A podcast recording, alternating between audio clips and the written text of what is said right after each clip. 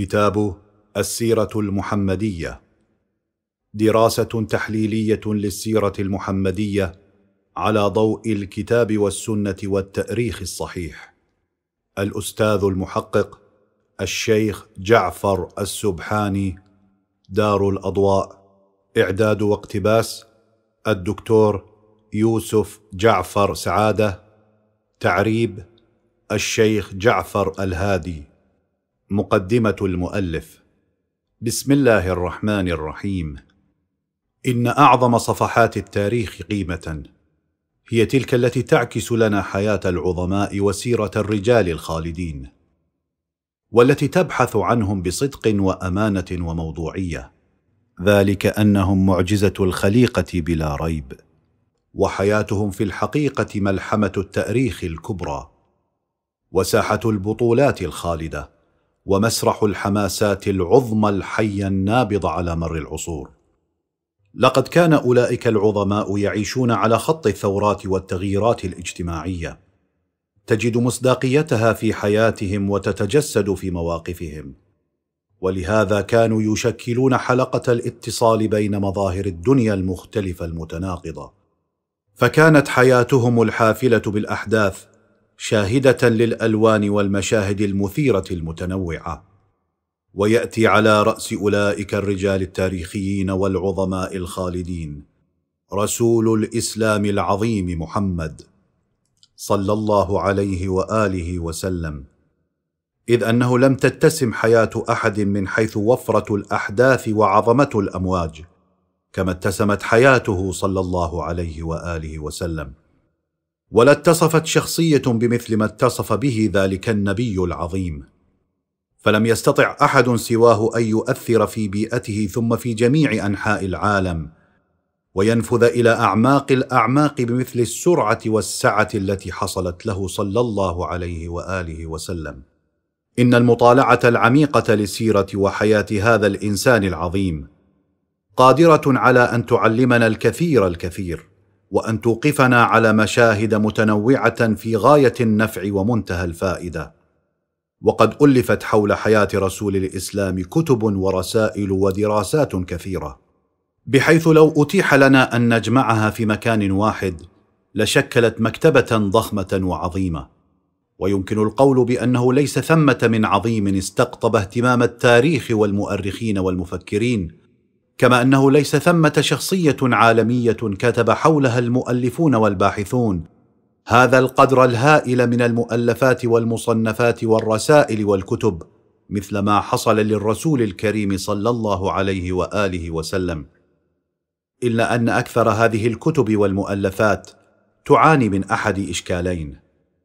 إما أنه جاء على نسق التسجيل المجرد للحوادث أو النصوص التاريخية دون أن يقوم مؤلفه بتحليلها ودراسة خلفياتها ونتائجها وإصدار الحكم اللازم بشأنها أو عمد إلى طائفة من الآراء الحدسية والاجتهادات الباطلة العارية عن الدليل وإثباتها في مؤلفه على أنها الحكم الحق وخلط هذه الأحكام مع الأحداث ليخرج كتابه إلى الجمهور المتعطش إلى تاريخ الإسلام على أنه التاريخ المحقق. ويمكن الرد على هؤلاء بأن الهدف من التاريخ ليس مجرد تسجيل للحوادث وضبطها وتدوينها بل هو تناول أحداثه من المصادر الصحيحة الموثوق بها وإبراز عللها وأسبابها وثمارها ونتائجها وهو بهذا الشكل يصبح أعظم كنز تركه الأقدمون لنا. لقد تجنب أكثر كتاب السيرة النبوية عن إظهار الرأي في الحوادث أو القيام بأي تحليل للوقائع بحجة الحفاظ على أصول الحوادث ونصوصها. بل إن أكثر الحوادث التاريخية في العصر الإسلامي أدرجت في الكتب من دون دراسة موضوعية وتقييم دقيق. أما هذا الكتاب فإنه يتميز بميزتين هامتين. أولها إننا عمدنا فيه إلى تناول الحوادث والوقائع المهمة ذات الفائدة الكبرى والعبر بالبحث والتحليل مع إبعاد الأحداث الجزئية الصغرى. وقد اتخذنا تلك الأحداث من المصادر الأصلية والأولية التي دونت في القرون الإسلامية المشرقة الأولى. وثانيتهما إننا أشرنا خلال الدراسة إلى الاعتراضات والإشكالات وإلى مواطن الإساءة التي قدمها المستشرقون المغرضون وتناولناها بالإجابة على كل تلك الانتقادات غير الصحيحة بأجوبة مقنعة وقاطعة. ولهذا بادرنا إلى ذكر رأي المؤلفين الشيعة في المسائل التي اختلف عليها مؤرخو السنة والشيعة مع ذكر المصادر والشواهد التاريخية الواضحة المبرهنة. وإننا إذ نقدم هذه الدراسة التحليلية لشخصية وحياة خاتم الأنبياء محمد صلى الله عليه وآله وسلم إلى القراء الكرام نأمل أن يهتم بها عامة المسلمين وخاصة المثقفون والشباب منهم. ليتناولوا هذه السيرة العطرة بالمطالعة المتأنية والتأمل والتدبر حتى يمكنهم أن يرسموا خريطة حياتهم وحياة مجتمعهم في ضوء ما يستلهمونه ويتعلمونه من سيرة وحياة رسول الإسلام صلى الله عليه وآله وسلم في هذه الحقبة البالغة الخطورة. والله ولي التوفيق. جعفر السبحاني قم المقدسة مؤسسة الإمام الصادق عليه السلام الأربعاء السابع والعشرون من محرم عام ألف وأربعمائة وعشرين للهجرة الثاني عشر من مايو عام ألف وتسعمائة وتسعة وتسعين للميلاد. مقدمة الملخص كان لي الشرف العظيم والافتخار أن أتقابل مع الأستاذ المحقق والعلامة الشيخ جعفر السبحاني في مكتبه بقم المقدسة حين جمعتني به الظروف والصدفة الحسنة الطيبة والمباركة. أدام الله ظله وأطال في عمره الشريف فقد كنت في قم المقدسة بهدف تقييم كتابي أهل البيت عليهم السلام وآثارهم في المجتمع الإنساني الذي كان يستدعي أن أعرضه على عدد من علمائنا الأفاضل أطال الله في أعمارهم وجعلهم أنوارا في الأرض ليقدموا ما لديهم من مقترحات حول ما جاء فيه من أفكار وآراء قد لا تتناسب مع جزئيات الدين أو المذهب أو المعتقدات الخاصة بالمسلمين عامة والشيعة خاصة.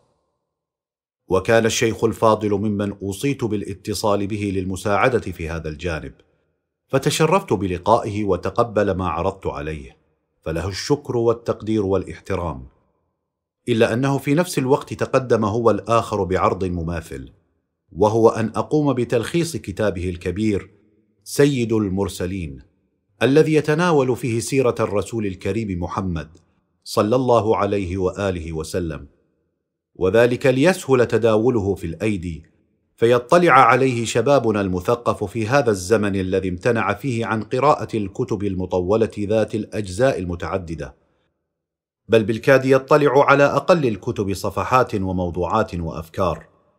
وكان عرضه في الحقيقة شرفا كبيرا لي وتقديرا منه لي أيضا في الوقت الذي اندهشت لعرضه. إذ أنني في كتابي أهل البيت تناولت ما يتعلق من أحداث عن الأئمة الاثني عشر عليهم السلام وأولادهم وأحفادهم دون التعرض للنبي صلى الله عليه وآله وسلم والسيدة فاطمة الزهراء عليها السلام إلا نادرا.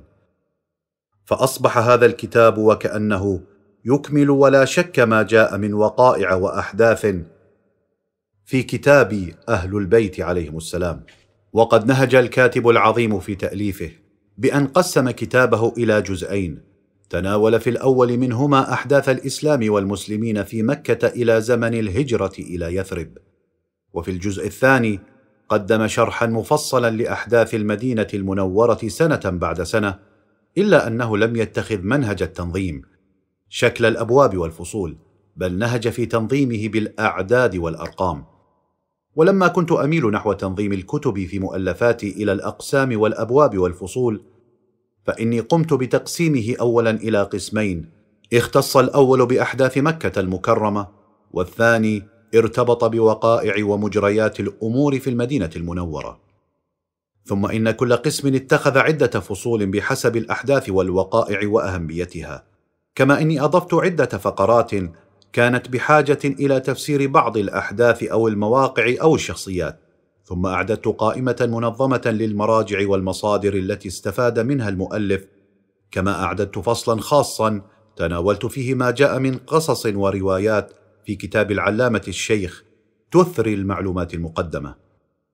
وأرجو من الله العلي القدير أن يكون قد وفقني في عملي المتواضع هذا وأن يتقبله الرسول الكريم صلى الله عليه وآله وسلم وأهل بيته الكرام فيكون شفيعا لي ولأهلي يوم القيامة وأن يرضي به أستاذنا وشيخنا المحقق العلامة جعفر السبحاني أطال الله عمره بالصحة الموفورة ووفقه لما فيه الخير والمصلحة للإسلام والمسلمين.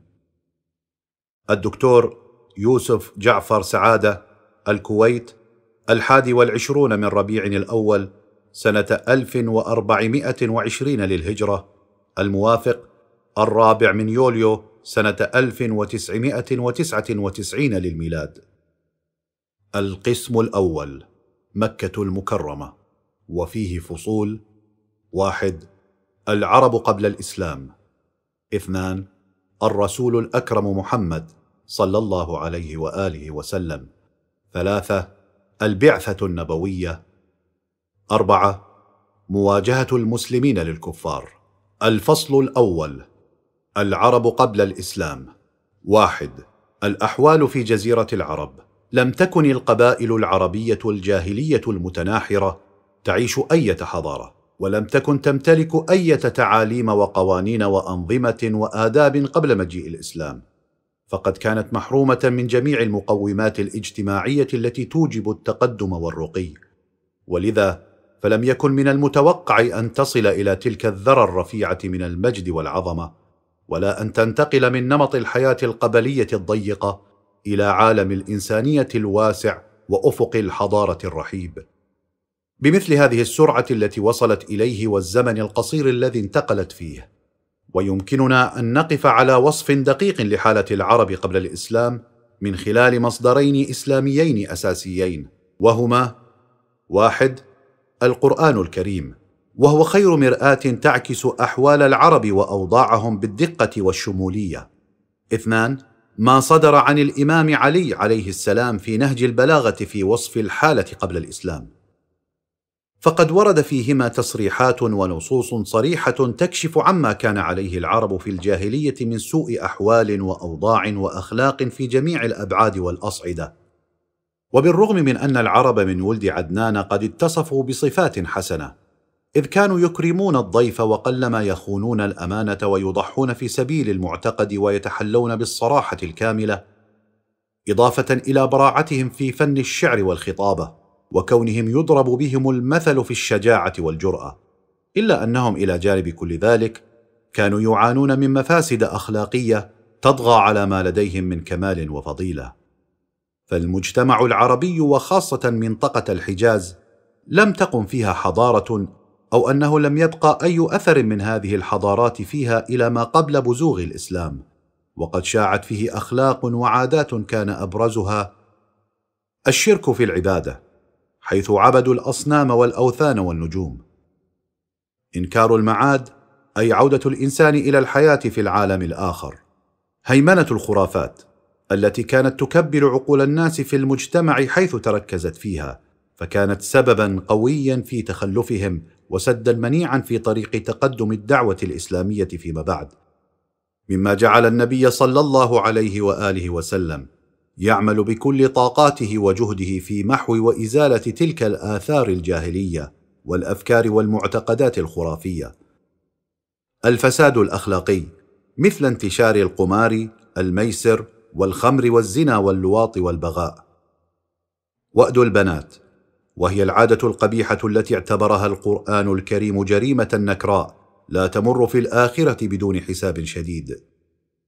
ولذا فإن المرأة كانت محرومة من جميع الحقوق الاجتماعية حتى حق الإرث كما عدها المثقفون من الحيوانات تباع وتشترى وجزء من أثاث البيت. وكان الرجل يتزوج بزوجة أبيه متى طلقها أو بعد وفاته. وربما تناوب الأبناء على امرأة أبيهم واحدا بعد واحد كما كان الرجل يرث امرأة من قرابته إذا مات عنها مثلما يرث أمتعة المنزل إضافة إلى أنهم كانوا يرثون البنين دون البنات. تناول الدم والميتة والخنزير وأكل الحيوانات التي يقتلونها بقسوة. النسيء وهو تأخير الأشهر الحرم كان يقوم به سدنة الكعبة أو رؤساء العرب عندما كانوا يقررون استمرار الحرب والغارات في الأشهر الحرم. الربا الذي شكل العمود الفقري في اقتصادهم. النهب والسلب فقد كان انتهاب ما في أيدي الناس والإغارة والقتال من العادات المستحكمة عندهم. حتى أن بعض حروبهم كانت تمتد إلى مائه سنة أو أكثر. حيث كانت الأجيال تتوارث تلك الحروب وقد بلغ ولعهم بالقتال وسفك الدماء أن جعلوها من مفاخر الرجال. أما عن الجانب العلمي والثقافي فإن أهل الحجاز وصفوا بالأميين فلم يتجاوز عدد الذين عرفوا القراءة والكتابة في قريش ما قبل الإسلام عن سبعة عشر شخصا في مكة وأحد عشر نفرا في المدينة المنورة. ومن ذلك يمكن القول أن تاريخ العرب قبل الإسلام وبعده تاريخان على طرفي نقيض الأول جاهلي ووثني وإجرامي والثاني تاريخ علم ووحدانية وإنسانية وإيمان. ومن التخلف والانحطاط في الأول يمكن معرفة مدى تأثير الإسلام وعظمة التعاليم الإسلامية في جميع المجالات والحقول المعيشية. فكيف تحقق ذلك التطور العظيم لهؤلاء العرب الجاهليين في الجزيرة العربية؟ في حين لم يستطع عرب اليمن الذين امتلكوا الشيء الكثير من الثقافة والحضارة وعاشوا حياة حضارية متطورة أن يصلوا إلى هذه النهضة الشاملة أو تقيم مثل هذه الحضارة العريضة أو عرب الغساسنة الذين جاوروا بلاد الشام المتحضرة والذين عاشوا تحت ظل حضارة الروم أن يصلوا إلى تلك الدرجة من الثقافة أو عرب الحيرة الذين عاشوا تحت ظل إمبراطورية الفرس أن ينالوا مثل ذلك الرقي والتقدم. في الوقت الذي تمكن فيه عرب الحجاز من تحقيق تلك النهضة الجبارة وورثوا الحضارة الإسلامية العظمى في حين لم يكن لهم عهد بأي تاريخ حضاري مشرق. بل كانوا يرزحون تحت أغلال الأوهام والخرافات والأساطير والعادات السيئة. وخير من يوضح تلك الأوضاع والأحوال هو الإمام علي عليه السلام في الخطبة الثانية من نهج البلاغة. والناس في فتن انجذم فيها حبل الدين وتزعزعت سواري اليقين واختلف النجر وتشتت الأمر وضاق المخرج وعمي المصدر فالهدى خامل والعمى شامل. عصي الرحمن ونصر الشيطان وخذل الإيمان فانهارت دعائمه. وتنكرت معالمه ودرست سبله وعفت شركه. فهم فيها تائهون حائرون جاهلون مفتونون في خير دار وشر جيران. نومهم سهود وكحلهم دموع بأرض عالمها ملجم. وجاهلها مكرم. وفي الخطبة السادسة والعشرين قال عليه السلام إن الله بعث محمدا صلى الله عليه وآله وسلم نذيرا للعالمين وامينا على التنزيل وأنتم معشر العرب على شر دين وفي شر دار منيخون بين حجارة خشن وحيات صم تشربون الكدر وتأكلون الجشب وتسفكون دماءكم وتقطعون أرحامكم الأصنام فيكم منصوبة والآثام بكم معصوبة. وقال عليه السلام في الخطبة الخامسة والتسعين بعثه صلى الله عليه وآله وسلم والناس ضلال في حيرة وحاطبون في فتنة. قد استهوتهم الأهواء واستزلتهم الكبرياء واستخفتهم الجاهلية الجهلاء. حيارى في زلزال من الأمر وبلاء من الجهل. فبالغ صلى الله عليه وآله في النصيحة ومضى على الطريقة ودعا إلى الحكمة والموعظة الحسنة. وأيضا في الخطبة مائه وواحد وخمسين قال عليه السلام أضاءت به صلى الله عليه وآله وسلم البلاد بعد الضلالة المظلمة والجهالة الغالبة والجوفة الجافية والناس يستحلون الحريم ويستذلون الحكيم. يحيون على فترة ويموتون على كفرة. وقد أكد تلك الأحوال والحياة أيضا جعفر بن أبي طالب عندما خطب أمام النجاشي في الحبشة يشرح أحوال المسلمين والمشركين فقال أيها الملك كنا قوما أهل جاهلية نعبد الأصنام ونأكل الميتة ونأتي الفواحش ونقطع الأرحام ونسيء الجوار ويأكل القوي منا الضعيف فكنا على ذلك حتى بعث الله إلينا رسولا منا نعرف نسبه وصدقه وأمانته وعفافه فدعانا إلى الله لنوحده ونعبده ونخلع ما كنا نعبد نحن وآباؤنا من دونه من الحجارة والأوثان. وأمرنا بصدق الحديث وأداء الأمانة وصلة الرحم وحسن الجوار والكف عن المحارم والدماء ونهانا عن الفواحش وقول الزور وأكل مال اليتيم وقذف المحصنات وأمرنا أن نعبد الله وحده لا نشرك به شيئا وأمرنا بالصلاة والزكاة والصيام. اثنان الأحوال السياسية في المنطقة. لقد جاورت البيئة التي ظهر فيها الإسلام أعظم إمبراطوريتين في ذلك الوقت هما إمبراطورية الروم والفرس. وهذا مما يجعلنا ندرس أحوالهما لنقف على قيمة الحضارة التي قدمها الإسلام. فإمبراطورية الروم تميزت الأحوال فيها بالحروب الداخلية والخارجية وخاصة في صراعها مع دولة فارس. كما كان للمنازعات الطائفية والمذهبية نصيبها في توسيع رقعة الاختلاف فيها كالحرب بين المسيحيين والوثنيين. حينما مارس رجال الكنيسة أشد أنواع الضغط والاضطهاد بحق الآخرين. الأمر الذي ساعد على إيجاد أقلية ناقمة كما ساعد على ظهور حالة مهدت لتقبل الشعب الروماني للدعوة الإسلامية فيما بعد. هذا مضافا إلى أن اختلاف رجال الدين فيما بينهم وتعدد المذاهب من جهة عملا على التقليل من هيبة الإمبراطورية واتجاهها نحو الضعف والانحلال. وقد أدى كل ذلك إلى انقسام الإمبراطورية الرومانية إلى قسمين شرقي وغربي. وقد استغل اليهود ذلك الضعف والانهيار الداخلي فخططوا لإسقاط النظام مما جر إلى ازدياد جرائم المذابح الانتقامية بين الطرفين. ولم تهدأ الأحوال إلا بعد ظهور الإسلام وانتشاره في تلك الجهات. أما إمبراطورية فارس فقد سيطرت على معظم مناطق العالم بالاشتراك مع إمبراطورية الروم. وتميزت الفترة بالنزاع الدائم بين إيران الساسانية والروم للسيطرة على مناطق نفوذ جديدة. فقد بدأت الحروب بينهما منذ عهد أنوشيروان بين عامي 531 و 589 للميلاد حتى زمن خسرو برويز لمدة أربعة وعشرين عاما مما أضعف الدولتين وقد اشتهر برويز بالميل نحو الترف وحياة البذخ حتى بلغت أعداد نسائه وجواريه الآلاف منهن كما كان أرغب الناس في جمع الأموال والجواهر والأواني.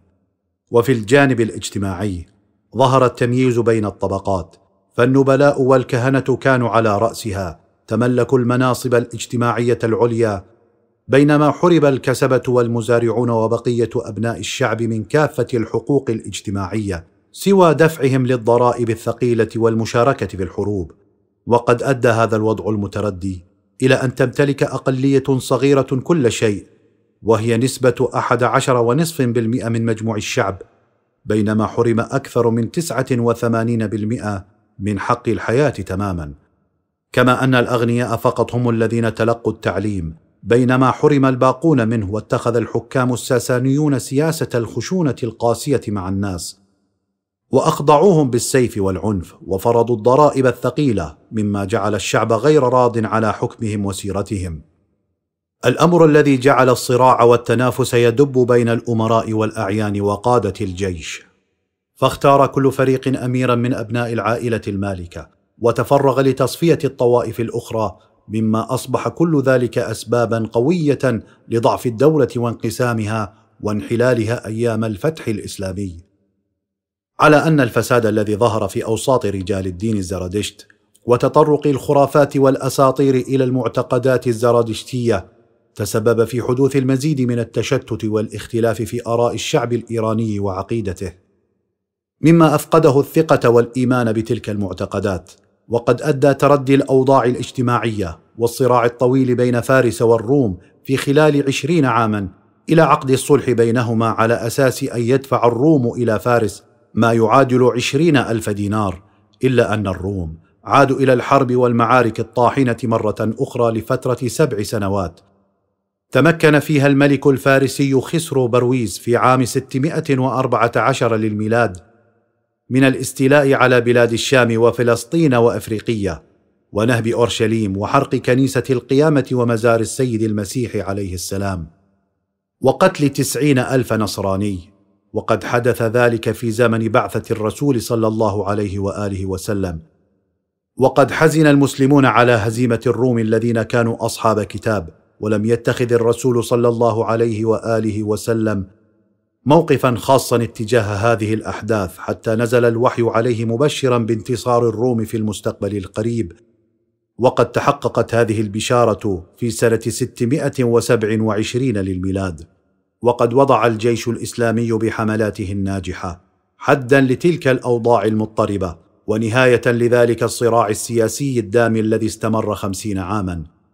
وفسح المجال لأن يختار الشعب الفارسي دينه ومعتقداته بحرية في منأ عن القهر والقسر ثلاثة التعريف بأسلاف الرسول صلى الله عليه وآله وسلم.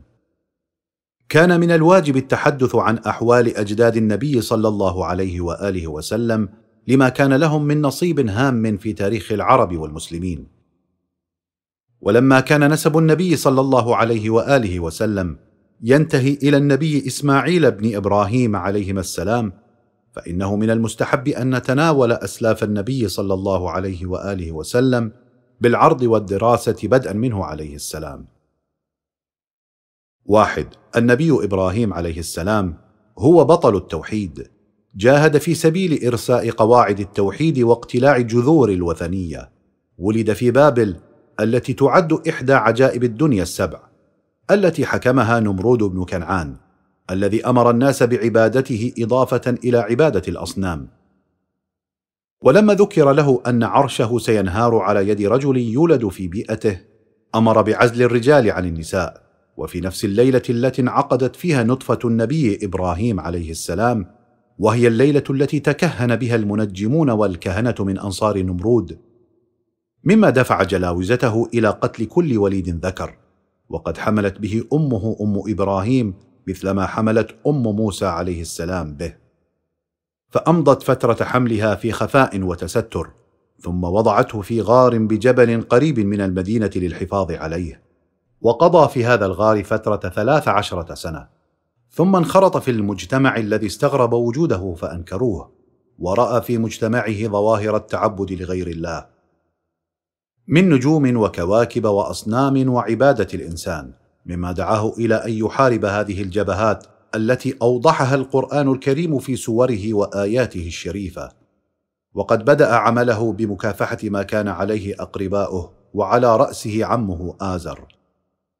وهو عبادة الأصنام والأوثان ثم اتجه إلى جبهة أخرى أكثر ثقافة وعلم وهي التي عبدت الكواكب والنجوم والأجرام السماوية. وقد أعطى النبي إبراهيم عليه السلام سلسلة من الحقائق الفلسفية والعلمية. لم يصل إليها الفكر البشري يوم ذاك. في حواره العقائدي مع عباد الأجرام السماوية مدعمة بأدلة لا تزال إلى اليوم موضع إعجاب كبار العلماء ورواد الفلسفة والكلام. وقد نقل القرآن الكريم في هذا المجال أدلة النبي إبراهيم عليه السلام باهتمام خاص وعناية بالغة.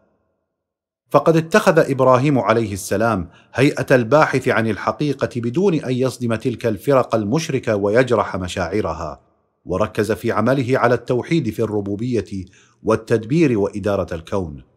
وأنه لا مدبر ولا مربي للموجودات الأرضية إلا الله سبحانه وتعالى فأبطل ربوبية الأجرام السماوية بقوله وجهت وجهي للذي فطر السماوات والأرض حنيفا وما أنا من المشركين أما بالنسبة إلى عمه آزر الذي كان ذا مكانة اجتماعية عالية بين قومه وصانعا ماهرا ومنجما له رأيه وأفكاره في الأمور الفلكية في بلاط نمرود فإنه ليس أبوه بل عمه. وذلك أن علماء الشيعة قد اتفقوا على أن آباء الأنبياء كانوا مؤمنين بالله موحدين به. وأكد الشيخ المفيد ذلك في كتابه أوائل المقالات. بل إن كثيرا من علماء السنة قد وافقهم في ذلك أيضا ولعل مناداته بالأب نظرا لكونه الكافل لإبراهيم عليه السلام ردحا من الزمن فنظر إليه بمنزلة الأب. وأما بخصوص عقابه وإلقائه في النار وعدم تأثره بها وخروجه سالما منها فإن السلطات الحاكمة قررت نفيه من البلاد فغادرها إلى الشام. ثم إلى الحجاز مع زوجته هاجر وابنه إسماعيل. حينما أسكنهما في مكة وظهرت بفضلهما عين زمزم ووفدت جماعات من القبائل لتسكن في تلك البقعة. وأشهرها قبيلة جرهم التي تزوج منها إسماعيل وصاهرهم ومنذ ذلك الوقت أصبحت مكة من المدن العامرة بعد أن كانت صحراء قاحلة وواد غير ذي زرع. اثنان قصي بن كلاب هو الجد الرابع للرسول صلى الله عليه وآله وسلم. وأمه فاطمة التي تزوجت برجل من بني كلاب ورزقت منه بولدين زهرة وقصي. وقد توفي أبوه فرباه زوج أمه ربيعة إلا أن خلافا وقع بين قصي وقوم ربيعة أدى إلى طرده من قبيلتهم. ولكن أمه تمكنت من إرجاعه إلى مكة. فعاش فيها متفوقا في أعماله ومراكزه فشغل المناصب الرفيعة مثل حكومة مكة وزعامة قريش وسدانة الكعبة المعظمة فأصبح رئيس تلك الديار دون منازع. ومن أهم أعماله ألف تشجيع الناس على البناء حول الكعبة. باء تأسيس مجلس شورى يجتمع فيه رؤساء القبائل في حل مشكلاتهم وهو دار الندوة. وأما من الأولاد فقد ترك عبد الدار وعبد مناف.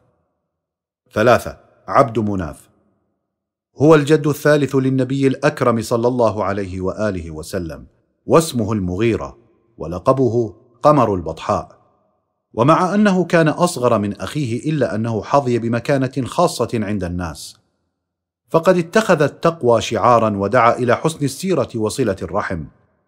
ولكن الزعامة والقيادة كانت لأخيه عبد الدار.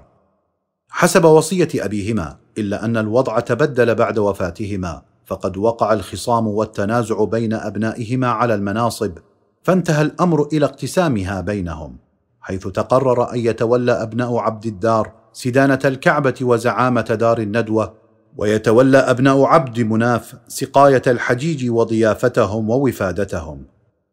أربعة هاشم وهو الجد الثاني للرسول الأعظم صلى الله عليه وآله وسلم واسمه عمرو ولقبه العلاء. ولد مع عبد شمس توأما له وله أخوان اخران هما المطلب ونوفل. ومن الأمور المميزة لأبناء عبد مناف إنهم توفوا في مناطق مختلفة فهاشم توفي في غزة وعبد شمس في مكة ونوفل في العراق والمطلب في اليمن.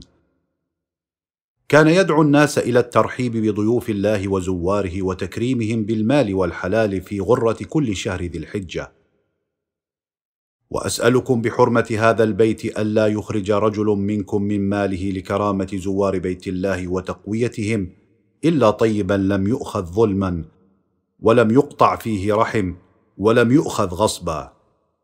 ومن أهم آثاره أن زعامته لمكة كانت لمنفعة أهلها وتحسين أوضاعهم.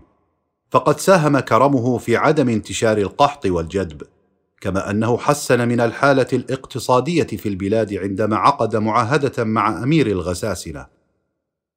مما دفع أخاه عبد شمس إلى أن يعاهد أمير الحبشة وأخويه نوفل والمطلب أيضا أن يعقدا معاهدات مع أمير اليمن وملك فارس. وذلك لتجنب الأخطار وتأمين الطرق وسير القوافل التجارية وقد عرف عنه أنه المؤسس لرحلتي الشتاء والصيف إلى الشام واليمن. إلا أن كل تلك الإسهامات من جانب هاشم كانت دافعا إلى أن يحسده أمية بن عبد شمس ابن أخيه وذلك لما حظي به من مكانة وعظمة وتقرب إلى قلوب الناس. الأمر الذي أجبرهم على الحضور عند كاهن من كهنة العرب فقضى لهاشم بالغلبة. فأخذ منه الإبل وأخرج أمية إلى الشام نافيا لمدة عشرة سنين حسب الشروط التي تمت بينهما. وتبين هذه القصة جذور العداء بين بني هاشم وبني أمية من ناحية وعلاقات الأمويين بالشام وارتباطهم بها حين اتخذوها عاصمة لدولتهم بعد ذلك من ناحية أخرى. ومن أشهر أولاده شيبة الذي عرف بعبد المطلب. لأنه تربى وترعرع في حجر عمه المطلب حيث كان العرب يسمون من ترعرع في حجر أحد وينشأ تحت رعايته عبدا لذلك الشخص. خمسة عبد المطلب وهو الجد الأول للنبي العظيم صلى الله عليه وآله وسلم ورئيس قريش وزعيمها. وأودعت يد المشيئة الربانية بين حنايا شخصيته نور النبي الأكرم صلى الله عليه وآله وسلم. ولذا كان إنسانا طاهر السلوك نقي الجيب منزها عن أي نوع من أنواع الانحطاط والفساد وأحد المعدودين الذين كانوا يؤمنون بالله واليوم الآخر. وقد اشتهر موقفه الإيماني في عام الفيل حينما أمر جماعته بالخروج من مكة إلى الجبال والشعاب. ونزل إلى الكعبة يدعو الله ويستنصره على أبرهة وجنوده مناجيا. اللهم أنت أنيس المستوحشين ولا وحشة معك فالبيت بيتك والحرم حرمك والدار دارك ونحن جيرانك تمنع عنه ما تشاء ورب الدار أولى بالدار. وفي الصباح خرجت أسراب من الطيور من جهة البحر يحمل كل واحد منها ثلاثة أحجار. حجر في منقاره وحجر في كل من رجليه وحلقت فوق رؤوس الجند ورجمتهم بالأحجار بأمر من الله محطمة رؤوسهم وممزقة لحومهم. وقد أصاب حجر منها رأس أبرهة القائد فأمر جنوده بالتراجع والعودة إلى اليمن. إلا أنهم أهلكوا في الطريق حتى أبرهة نفسه مات قبل وصوله صنعاء. وقد نتج من هذه العملية. أن تحطم جيش أبرهة وانهزم أعداء قريش وعظم شأن المكيين وشأن الكعبة المشرفة في نظر العرب وغيرهم. فلم يجرؤ أحد بعد ذلك على غزو مكة أو الإغارة على قريش أو التطاول على الكعبة كما أنها من جانب آخر أحدثت في نفوس القرشيين حالات جديدة خاصة. فقد زادت من غرورهم وعنجهيتهم واعتزازهم بعنصرهم. فقرروا تحديد شؤون الآخرين والتقليل من وزنهم على أساس أنهم فقط الطبقة الممتازة من العرب كما دفعتهم إلى التصور بأنهم موضع عناية الأصنام الثلاثمائة وستين إذ أنهم فقط الذين تحبهم تلك الأصنام وتحميهم وتدافع عنهم. وقد دفعهم كل ذلك إلى التمادي في لهوهم ولعبهم والتوسع في ممارسة الترف واللذات. وإظهار الولع بشرب الخمر حتى أنهم مدوا موائد الخمر في فناء الكعبة وأقاموا مجالس أنسهم إلى جانب تلك الأصنام متصورين أن حياتهم الجميلة هذه هي من بركة تلك الأصنام والأوثان. كما أن هذه الحالة جعلت قريش تقوم بإلغاء أي احترام وتقدير للغير فقالوا إن جميع العرب محتاجون إلى معبدنا. فقد رأى العرب عامة كيف اعتنى بنا آلهة الكعبة خاصة وكيف حمتنا من الأعداء. ومنذ ذلك بدأت قريش تضيق على كل من يدخل مكة للعمرة أو الحج. وتعاملهم بخشونة وأسلوب دكتاتوري. وفرضت عليهم الا يصطحب أحد منهم طعاما معه من خارج الحرم ولا يأكل منه. بل عليه أن يقتني من طعام أهل الحرم ويأكل منه. وأن يلبس عند الطواف بالبيت. من ثياب أهل مكة التقليدية القومية أو يطوف عريانا بالكعبة إذا لم يكن في مقدوره شراؤها. ومن رفض الخضوع للأمر من رؤساء القبائل وزعمائها. كان عليه أن ينزع ثيابه بعد الانتهاء من الطواف ويلقيها جانبا دون أن يكون لأحد الحق في مسها حتى صاحبها. أما النساء فكان عليهن إذا اردن الطواف أن يطفن عراة. ويضعن خرقة على رؤوسهن كما أنه لم يكن يحق لأي يهودي أو مسيحي أن يدخل مكة إلا أن يكون اجيرا لمكي وعليه الا يتحدث في شيء من أمر دينه وكتابه. بالإضافة إلى ذلك فإنهم أنفوا منذ ذلك اليوم أن يأتوا بمناسك عرفة كما يفعل بقية الناس حيث تركوا الوقوف بها والإفاضة منها بالرغم من أن آباءهم من ولد إسماعيل كانوا يقرون أنها من المشاعر والحج. إن كل ذلك الانفلات الأخلاقي والترف والانحراف. قد هيأ الأرضية وأعدها لظهور مصلح عالمي. أما بالنسبة لابن عبد المطلب عبد الله فقد سعى إلى أن يزوجه فاختار له آمنة بنت وهب بن عبد مناف التي عرفت بالعفة والطهر والنجابة والكمال كما اختار لنفسه دلالة ابنة عم آمنة. فرزق منها حمزة عم الرسول صلى الله عليه وآله وسلم الذي كان في نفس عمر النبي صلى الله عليه وآله وسلم.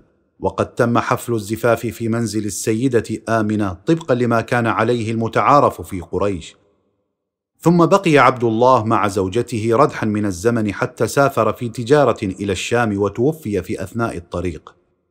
ويرتبط بموضوع أسلاف النبي صلى الله عليه وآله وسلم طهارته صلى الله عليه وآله وسلم من دنس الآباء وعهر الأمهات إذ لم يكن في أجداده وجداته سفاح وزنا وهو ما اتفق عليه المسلمون وصرح به الرسول صلى الله عليه وآله وسلم في أحاديث رواها السنة والشيعة فقد جاء عنه صلى الله عليه وآله وسلم أنه قال نقلت من الأصلاب الطاهرة إلى الأرحام المطهرة نكاحا لا سفاحا.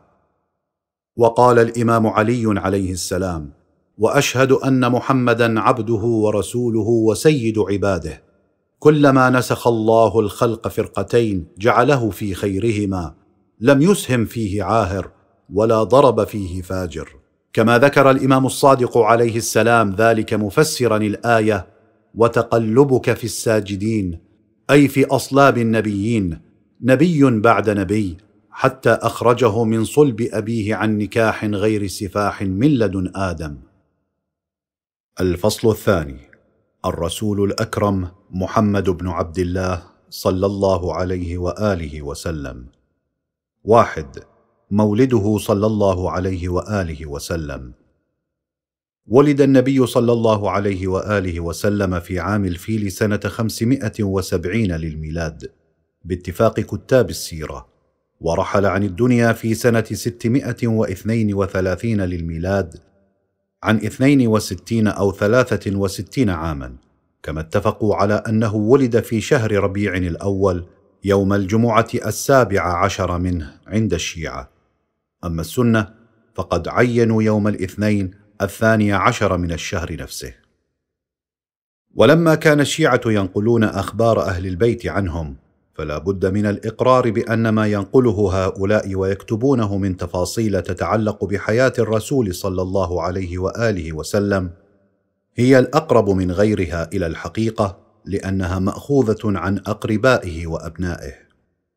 وقد حملت به أمه السيدة آمنة بنت وهب في أيام التشريق من شهر رجب فإذا اعتبرنا يوم ولادته السابع عشر من ربيع الأول فتكون مدة حملها به ثمانية أشهر وأياما. وقد وقعت يوم ولادته أحداث عجيبة فقد ولد مختونا مقطوع السرة وهو يقول الله أكبر والحمد لله كثيرا سبحان الله بكرة وأصيلا. كما تساقطت الأصنام في الكعبة على وجوهها وخرج نور معه أضاء مساحة واسعة من الجزيرة العربية وانكسر إيوان كسرى وسقطت أربعة عشر شرفة منه. وانخمدت نار فارس التي كانت تعبد وجفت بحيرة ساوى. وهدفت هذه الأحداث الخارقة والعجيبة إلى أمرين مؤثرين. واحد فهي تدفع الجبابرة والوثنيين إلى التفكير فيما هم فيه من أحوال فيتساءلون عن الأسباب التي دعت إلى كل ذلك لعلهم يعقلون. إذ أن تلك الأحداث كانت في الواقع تبشر بعصر جديد هو عصر انتهاء الوثنية وزوال مظاهر السلطة الشيطانية واندحارها.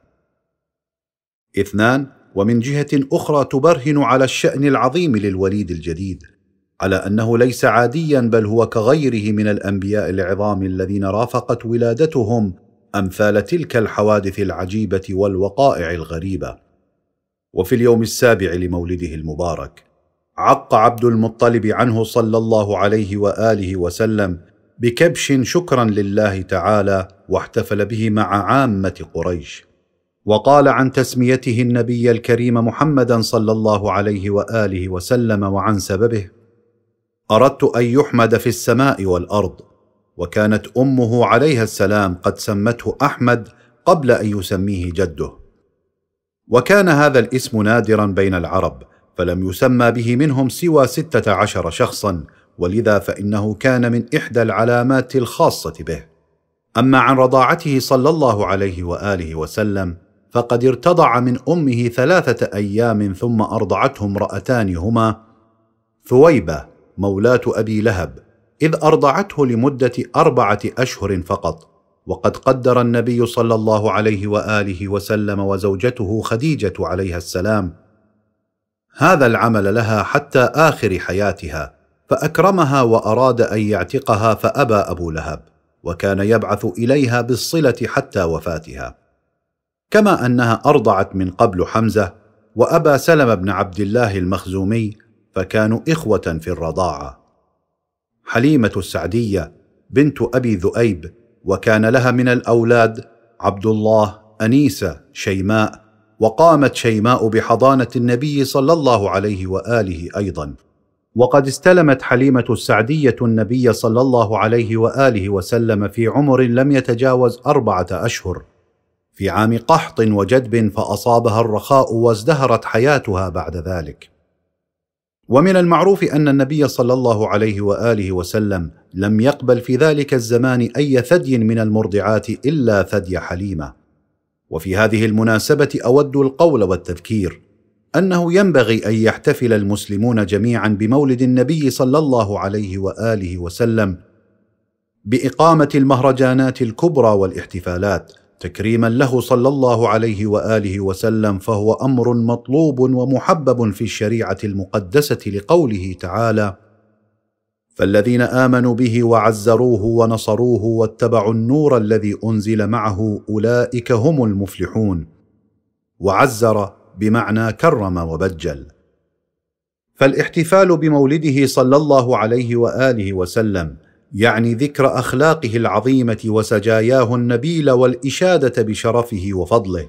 وهي أمور مدحه بها القرآن الكريم وإنك لعلى خلق عظيم ورفعنا لك ذكرك.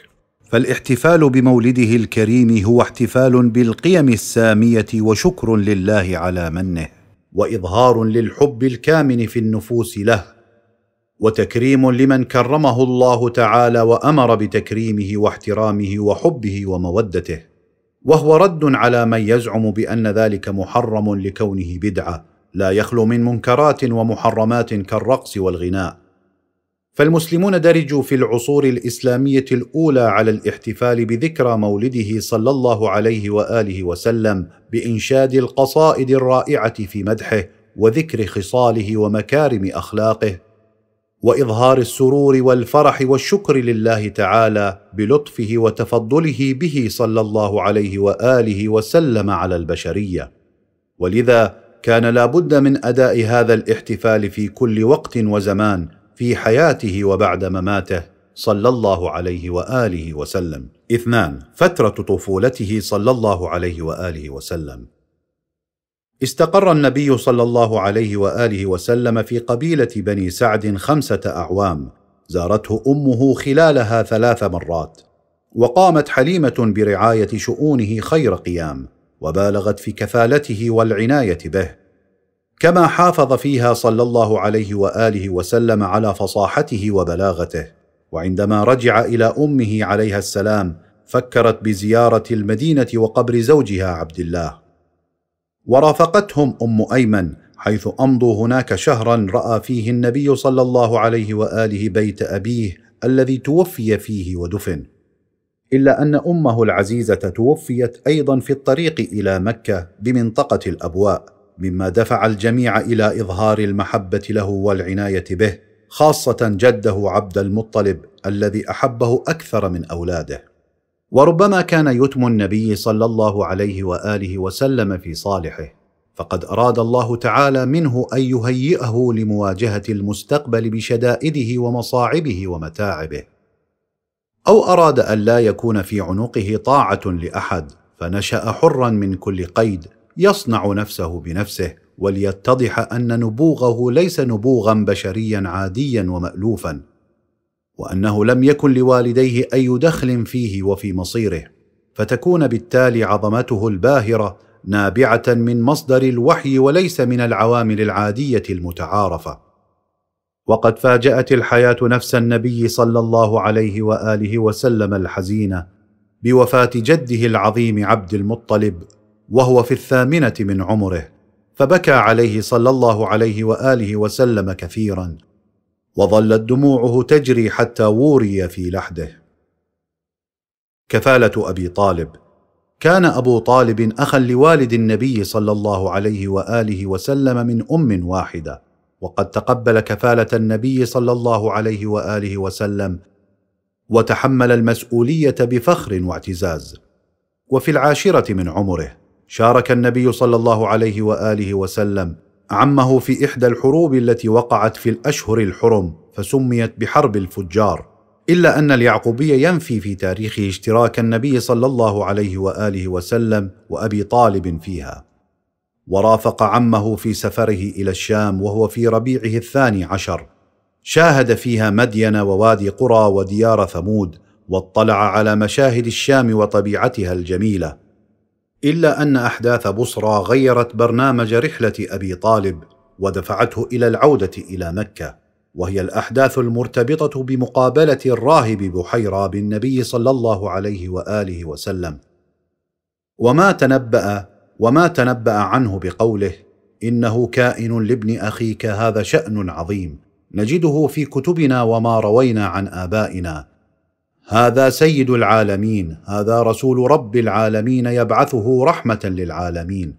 احذر عليه اليهود لئن رأوه وعرفوا ما أعرف ليقصدن قتله. أما ما قيل عن تلك المقابلة من آراء متطرفة وبأن الراهب بحيرة علم النبي صلى الله عليه وآله وسلم أمور دينه التي درسها من كتب الإنجيل والتوراة فهو فرية المستشرقين والكارهين للإسلام. إذ أن النبي صلى الله عليه وآله وسلم لم يمكث هناك أكثر من أربعة أشهر هي فترة رحلة الشام عند العرب. ثم إذا كان هذا الراهب يمتلك هذه الكمية من المعلومات الدينية والعلمية التي عرضها الرسول صلى الله عليه وآله وسلم فلماذا لم يقم هو بنشرها فيأخذ شهرته منها؟ ثم لماذا اختار محمدا صلى الله عليه وآله وسلم دون غيره ليعرض عليه تلك المعلومات بالرغم من توافد القبائل عليه دوما؟ إن الآيات القرآنية تصرح بأن الأخبار الغيبية وصلت إلى النبي صلى الله عليه وآله وسلم عن طريق الوحي فقط. فلم يكن على علم بها مطلقا كما أن كتب التوراة والإنجيل لا تذكر امورا طيبة عن الأنبياء. في حين أن القرآن الكريم يجلهم ويعظمهم ويكرمهم على عكس ما جاء عنهم في كتب هؤلاء. ولذا لم يعقل أن يقتبس القرآن الكريم من تلك الكتب وبينهما بعد المشرقين. كما أن النبي صلى الله عليه وآله وسلم لم يشرح تلك القصص والقضايا للناس قبل الوحي والرسالة. قل لو شاء الله ما تلوته عليكم ولا أدراكم به فقد لبثت فيكم عمرا من قبله أفلا تعقلون؟ فالآية تؤكد على أن النبي صلى الله عليه وآله وسلم لبث في قومه فترة طويلة لم يتلو فيها سورة من القرآن ولا آية من آياته. فكل ما أخبر به هو مما أوحى به الله تعالى إليه بعد أن بعثه بالرسالة. ثلاثة فترة شبابه. كانت آثار الشجاعة والقوة بادية على جبينه صلى الله عليه وآله وسلم منذ طفولته وصباه. ففي الخامسة عشر من عمره قيل أنه شارك في حرب الفجار بين قريش وهوازن وهي حرب الفجار الرابعة التي استمرت أربع سنوات. كان يناول فيها أعمامه النبال وتكشف مشاركته في تلك العمليات العسكرية وهو في تلك السن عن شجاعته وقدرته الروحية الكبرى. ولهذا كان المسلمون فيما بعد يحتمون بالنبي صلى الله عليه وآله عند اشتداد المعركة. وفي مقابل هذا روى المؤرخ اليعقوبي المتوفى سنة 290 للهجرة في تاريخه. وقد روي أن أبا طالب منع أن يكون فيها أحد من بني هاشم وقال هذا ظلم وعدوان وقطيعة واستحلال للشهر الحرام ولا أحضره ولا أحد من أهلي. فأخرج الزبير بن عبد المطلب متكرها وقال عبد الله بن جدعان التيمي وحرب بن أمية لا نحضر امرا تغيب عنه بنو هاشم. فخرج الزبير. كما أن النبي صلى الله عليه وآله وسلم كان أحد المشاركين في حلف الفضول الذي اعتبر ميثاقا بين الجرهميين يهدف إلى الدفاع عن حقوق الضعفاء والمظلومين. وقد أسسه جماعة اشتقت أسماؤهم جميعا من لفظة الفضل مثل فضل بن فضالة وفضل بن الحارث وفضل بن وداعة. وقد نقلت عبارات كثيرة عن النبي صلى الله عليه وآله وسلم. أشاد فيها بالحلف واعتز بمشاركته فيه. لقد شهدت في دار عبد الله بن جدعان حلفا لو دعيت به في الإسلام لأجبت. كما أشاد به الإمام الحسين عليه السلام أيضا فضرب به المثل في أخذ الحق ورده لصاحبه. مثلما طلب هو حقه من الوليد بن عتبة أمير المدينة. أربعة. فترة عمله. أمضى الرسول صلى الله عليه وآله وسلم شطرا من حياته قبل البعثة في رعي الغنم في الصحارى. لعله ليصبح بذلك صبورا في تربية الناس الذين سيكلف بقيادتهم وهدايتهم ويستسهل كل صعب في هذا المجال إذ كان لابد أن يتسلح بسلاح الصبر. ويتجهز بأداة التحمل ويتزود بقدرة الاستقامة على طريق الهدف وذلك حتى يمكنه إدارة البشر في المستقبل. إذ أن ذلك لا يكون إلا بتعويد النفس على هذه الصفات وحملها على مشاق الأعمال. كما أن عمله في الصحراء والجبال ساعده في التخلص بعض الشيء من آلامه الروحية الناشئة من رؤية الأوضاع المزرية والأحوال المشينة التي كان عليها أهل مكة وما كانوا فيه من عادات سيئة وظلم وانحراف وطغيان كما أن عمله في تلك البقاع أعطاه فرصة طيبة للنظر في خلق السماوات والتطلع في النجوم والكواكب وأحوالها.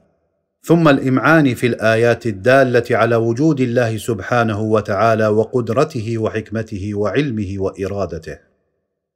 فبالرغم من أن قلوب الأنبياء تكون منورة بمصابيح المعرفة ومضاءة بأنوار الإيمان والتوحيد إلا أنهم لا يرون أنفسهم في غنى عن النظر في عالم الخلق والتفكر في الآيات الإلهية إذ أنه من خلال هذا الطريق يصلون إلى أعلى مراتب الإيمان ويبلغون أسمى درجات اليقين وبالتالي يتمكنون من الوقوف على ملكوت السماوات والأرضين.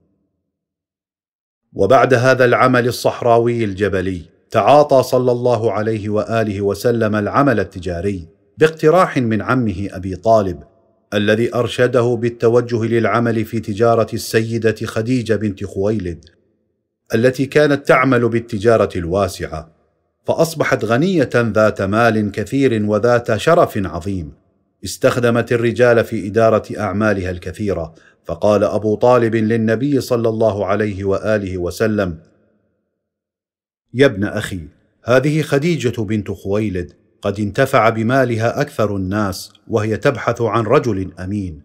فلو جئتها فعرضت نفسك عليها لأسرعت إليك وفضلتك على غيرك لما يبلغها عنك من طهارتك. إلا أن إباء الرسول صلى الله عليه وآله وسلم وعلو طبعه منعاه من الإقدام بنفسه على ذلك فرد عليه. فلعلها إن ترسل إلي في ذلك لأنها تعرف أنه المعروف بالأمين بين الناس. وقد حدث ما أراده النبي صلى الله عليه وآله وسلم فقد بعثت إليه قائلة إني دعاني إلى البعثة إليك ما بلغني من صدق حديثك وعظم أمانتك وكرم أخلاقك. وأنا أعطيك ضعف ما أعطي رجلا من قومك وأبعث معك غلامين يأتمران بأمرك في السفر. ولما علم عمه أبو طالب بذلك فقال له إن هذا رزق ساقه الله إليك. وهكذا تم الاتفاق على أن يقوم النبي صلى الله عليه وآله وسلم بالعمل في أموالها وتجارتها على نحو المضاربة لا الاجاره فقد ذكر اليعقوبي إن النبي صلى الله عليه وآله وسلم ما كان أجيرا لأحد قط. ولذا فإن النبي صلى الله عليه وآله وسلم حصل على أرباح وفيرة من أول تجارته إلى الشام. ولما مر في الطريق على ديار عاد وثمود تذكر سفره الأول مع عمه إلى تلك المناطق. وعند وصولهم إلى مكة قال ميسرة غلام السيدة خديجة يا محمد لقد ربحنا في هذه السفرة ببركتك ما لم نربح في أربعين سنة فاستقبل بخديجة وأبشرها بربحنا.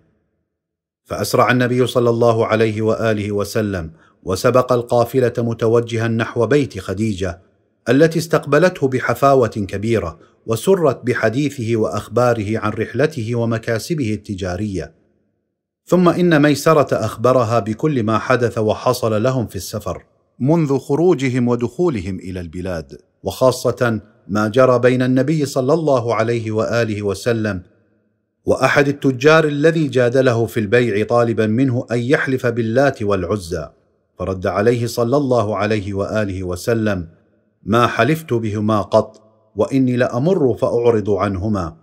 كما أخبرها عن النبي صلى الله عليه وآله وسلم حينما استراح في ظل شجرة عندما كانوا في بصرى فشاهده راهب فقال ما نزل تحت هذه الشجرة قط إلا نبي ولما سأل عن اسمه من ميسرة فقال هو نبي وهو آخر الأنبياء إنه هو هو ومنزل الإنجيل وقد قرأت عنه بشائر كثيرة. وقد سلم النبي صلى الله عليه وآله وسلم كل ما ربحه واستلمه من مال إلى عمه أبي طالب ليوسع به على أهله. مما جعله فرحا مسرورا بما قام به ابن أخيه تجاهه. خمسة. زواجه صلى الله عليه وآله وسلم. في هذا الوقت فكر صلى الله عليه وآله وسلم جديا في أن يتخذ شريكة لحياته ويكون أسرة. فكيف وقع اختياره على السيدة خديجة التي رفضت كل من تقدم إليها من كبار الشخصيات القرشية؟ أمثال عقبة بن أبي معيط وأبي جهل وأبي سفيان. وكيف أدى الارتباط بينهما والعلاقة العميقة والألفة والمحبة إلى درجة أنها وهبت كل ثروتها للنبي صلى الله عليه وآله حتى ينفقها في نشر الإسلام. كانت السيدة خديجة من خيرة نساء قريش شرفا وأقواهن عقلا وأكثرهن فهما. وقد قيل لها سيدة قريش. وسميت الطاهره لشدة عفافها وذلك في أيام الجاهلية. وحين رفضت الزواج من سادة القوم قبلت بسيد البشر لما عرفت عنه من كرم الأخلاق وشرف النفس والسجايا الكريمه والصفات العالية وهي المرأة الثرية التي وإن عاشت في الترف وأفضل العيش إلا أنها أصبحت في بيت زوجها الرسول صلى الله عليه وآله وسلم الزوجة المطيعة الخاضعة الوفية المخلصة وسارعت إلى قبول دعوته واعتناق دينه بوعي وبصيرة مع علمها بما ينطوي ذلك على مخاطر ومتاعب ثم جعلت كل ثروتها ومالها في خدمة العقيدة والمبدأ مشاطرة زوجها بذلك آلامه ومتاعبه وراضية بمرارة الحصار في شعب أبي طالب ثلاث سنوات. وهي في سن الرابعة والستين. وقد بلغ من خضوعها للرسول صلى الله عليه وآله وسلم وحبها له أنها بعد أن تم الزواج بينهما قالت له إلى بيتك فبيتي بيتك وأنا جاريتك. ويؤكد المؤرخون أنها هي التي اقترحت على النبي صلى الله عليه وآله وسلم الزواج. وكما يعتقد أكثر المؤرخين أن نفيسة بنت علي بلغت رسالتها إلى النبي صلى الله عليه وآله وسلم الذي تقبل عرضها فأخبرت السيدة خديجة بذلك فأرسلت بوكيلها عمرو بن أسد لتحديد ساعة مراسم الخطبة في محضر الأقارب. فشاور النبي صلى الله عليه وآله وسلم أعمامه وعلى رأسهم أبو طالب الذي خطب في القوم يمدح النبي صلى الله عليه وآله وسلم ويطلب الزواج له من السيدة خديجة قائلا وله في خديجة رغبة ولها فيها رغبة. والصداق ما سألتم عاجله وآجله من مالي ومحمد من قد عرفتم قرابته. ثم أجرى عقد النكاح ومهرها النبي صلى الله عليه وآله وسلم أربعمائة دينار وقيل أصدقها عشرين بكرة. وكان عمرها في هذا الوقت أربعين عاما. إذ أنها ولدت قبل عام الفيل بخمسة عشر عاما كما جاء عنها أنها تزوجت قبل النبي صلى الله عليه وآله وسلم برجلين أولهما عتيق بن عائذ ثم بعده أبو هالة التميمي وقد توفي كل منهما بعد زواجه منها. وقد تميزت السيدة خديجة من نساء النبي صلى الله عليه وآله وسلم بأنه لم يتزوج عليها مدة حياتها وبلغت لديه ما لم تبلغه امرأة قط من زوجاته ومما يدل على سمو مقامها وعلو منزلتها أن أهل البيت عليهم السلام طالما افتخروا بأن خديجة منهم وإنهم من خديجة فكانوا يعتزون بها ويشيدون بمكانتها. فالسيدة خديجة عليها السلام هي مثال الشرف والعقل والحب العميق للرسول صلى الله عليه وآله وسلم والوفاء والإخلاص والتضحية بالغالي والنفيس في سبيل الإسلام الحنيف. فهي أول من آمنت بالله ورسوله وصدقت محمدا صلى الله عليه وآله وسلم وآزرته. فكان صلى الله عليه وآله وسلم لا يسمع من المشركين شيئا يكرهه من إيذاء وتكذيب إلا وفرج الله عنه بخديجة. التي خففت عنه بلطفها وعطفها وعنايتها به في غاية الإخلاص والود. لقد اكتسبت السيدة خديجة بفضل إيمانها العميق بالرسالة المحمدية وتفانيها في سبيل الإسلام وحرصها العجيب على حياة صاحب الرسالة مكانة سامية في الإسلام. حتى أن النبي صلى الله عليه وآله وسلم ذكرها في أحاديثه الكثيرة وأشاد بفضلها ومكانتها وشرفها. وذلك لإلفات نظر المرأة المسلمة إلى القدوة التي ينبغي أن تقتدي بها في حياتها وسلوكها في جميع المجالات والحالات. بالإضافة إلى ما يمكن أن تقدمه المرأة وهي نصف المجتمع من دعم جدي للرسالة ماديا كان أم معنويا. ومن أشهر الأحاديث التي نقلت عن النبي صلى الله عليه وآله وسلم أنه قال عنها اتاني جبرائيل عليه السلام؟ فقال يا رسول الله إذا أتتك خديجة فاقرأ عليها السلام من ربها ومني وبشرها ببيت في الجنة من قصب لا صخب فيه ولا نصب. وقال عنها صلى الله عليه وآله وسلم لا والله ما أبدلني الله خيرا منها.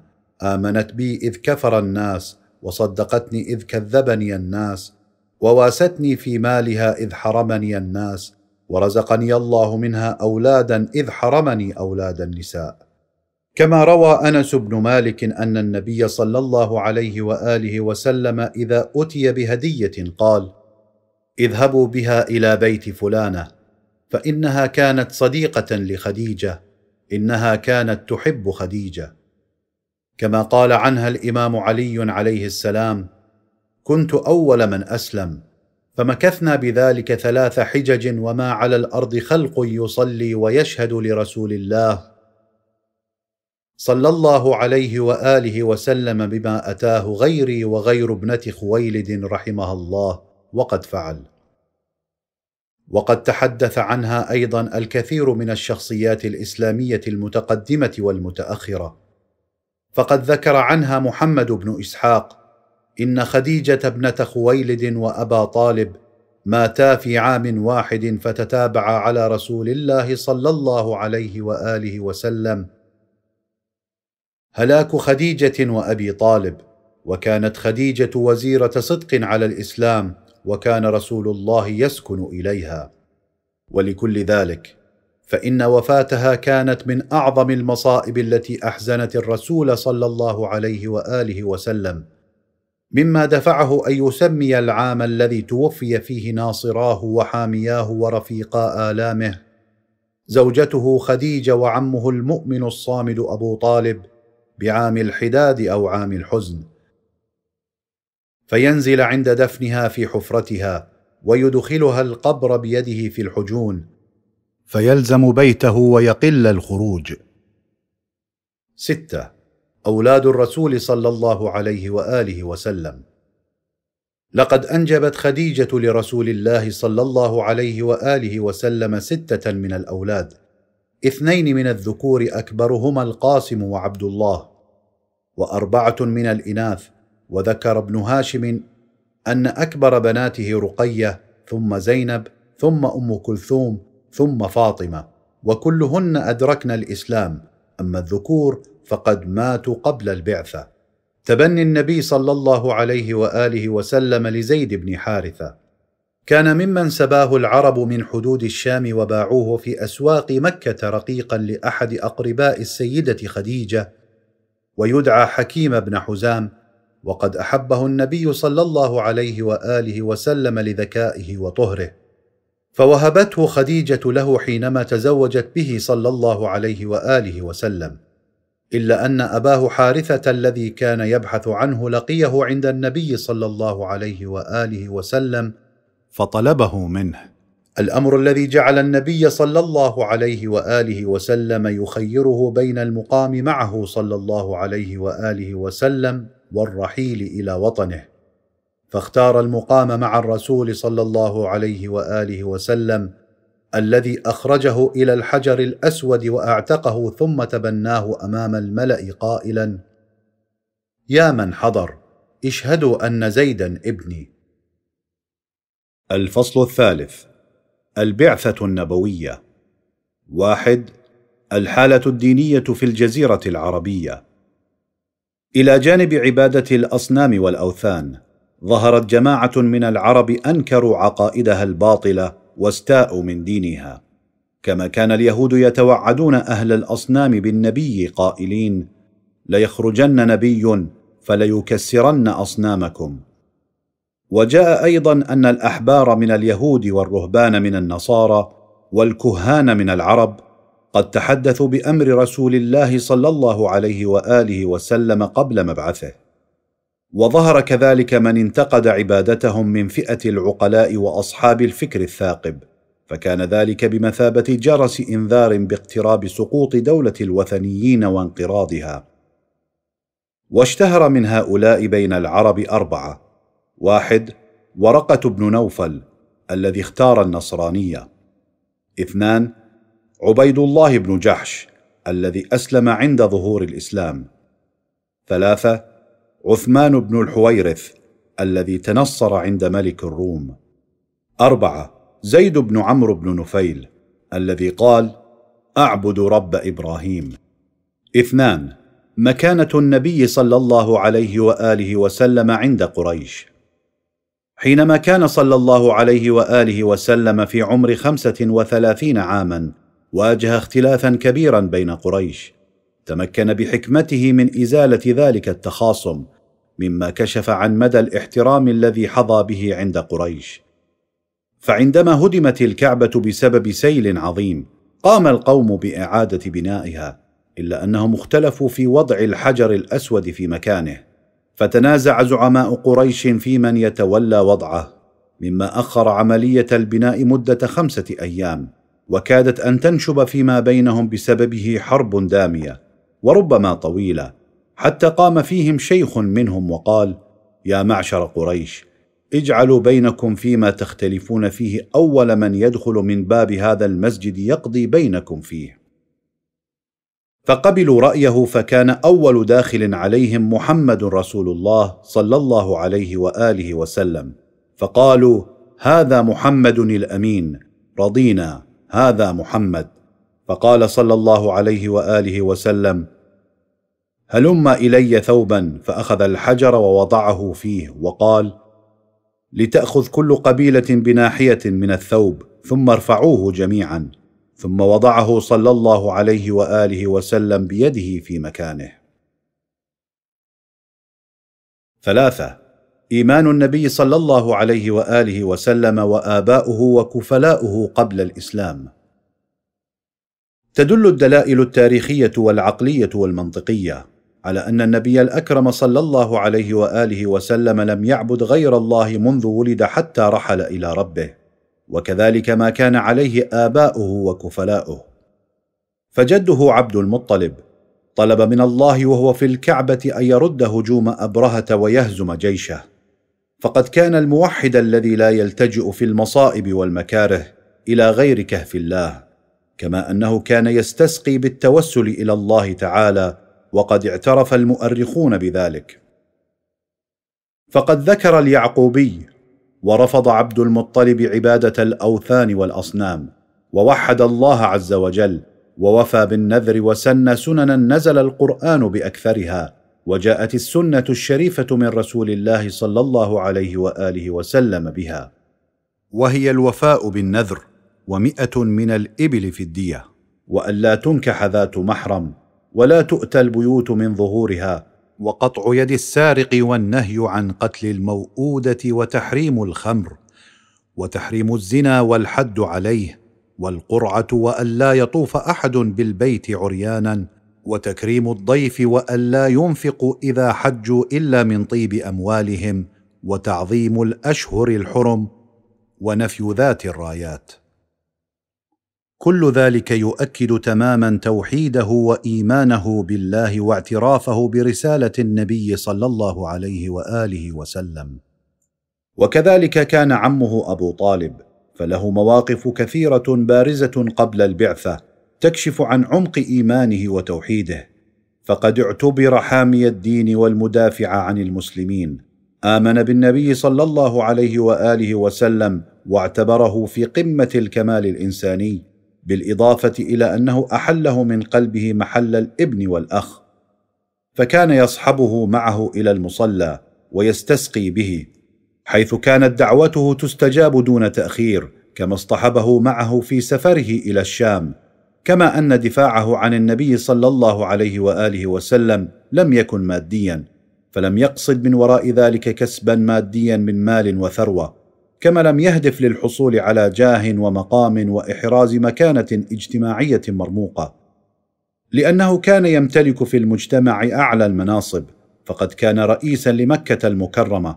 بل إنه فقد منصبه ومكانته بسبب موقفه الموالي للنبي صلى الله عليه وآله وسلم وعدم الاستجابة لقومه في تسليمه صلى الله عليه وآله وسلم لهم مما استوجب سخط الزعماء عليه واستياءهم منه وإظهار العداء له ولبني هاشم عامة. فالقول بأن تضحية أبي طالب في سبيل النبي صلى الله عليه وآله وسلم بالنفس والنفيس كان بدافع علاقة القربى والعصبية القبلية تصور باطل إذ أن ذلك كان بدافع اعتقاده الراسخ برسول الله صلى الله عليه وآله وسلم. الذي اعتبره مظهرا كاملا للفضيلة والإنسانية وأن دينه أفضل برنامج للسعادة ولما كان يحب الحقيقة والكمال والحق فقد كان من الطبيعي أن يدافع عن تلك الفضائل وينصرها بكل جهوده وقواه. كما أن هناك مواقف محددة تؤكد المعنى السابق فقد أصدر تهديدا بمحاربة رجال قريش بالسلاح إذا أقدموا على أي سوء نحو النبي صلى الله عليه وآله وسلم. فقد حافظ على حياته صلى الله عليه وآله وسلم لفترة اثنين وأربعين عاما ودافع عنه وخاصة في سنوات البعثة العشره فهو قد تولى مهمة كفالته والدفاع عنه والمحافظة على حياته بصدق وإخلاص بالنفس والمال وإيثاره على نفسه وأولاده والإنفاق عليه من ماله. منذ صغره صلى الله عليه وآله وسلم وحتى الخمسين من عمره. ولذا كان لفقده أكبر الأثر على سير الدعوة الإسلامية. وهو ما دفع ابن أبي الحديد المعتزلي أن ينشد بيتين يوضح تضحيته هو وابنه علي عليه السلام. ولولا أبو طالب وابنه لما مثل الدين شخصا وقاما فذاك بمكة آوى وحاما وهذا بيثرب جس الحماما. ويمكن التعرف على إيمانه وإخلاصه عن طريق أشعاره وخدماته القيمة في السنوات العشر الأخيرة من عمره.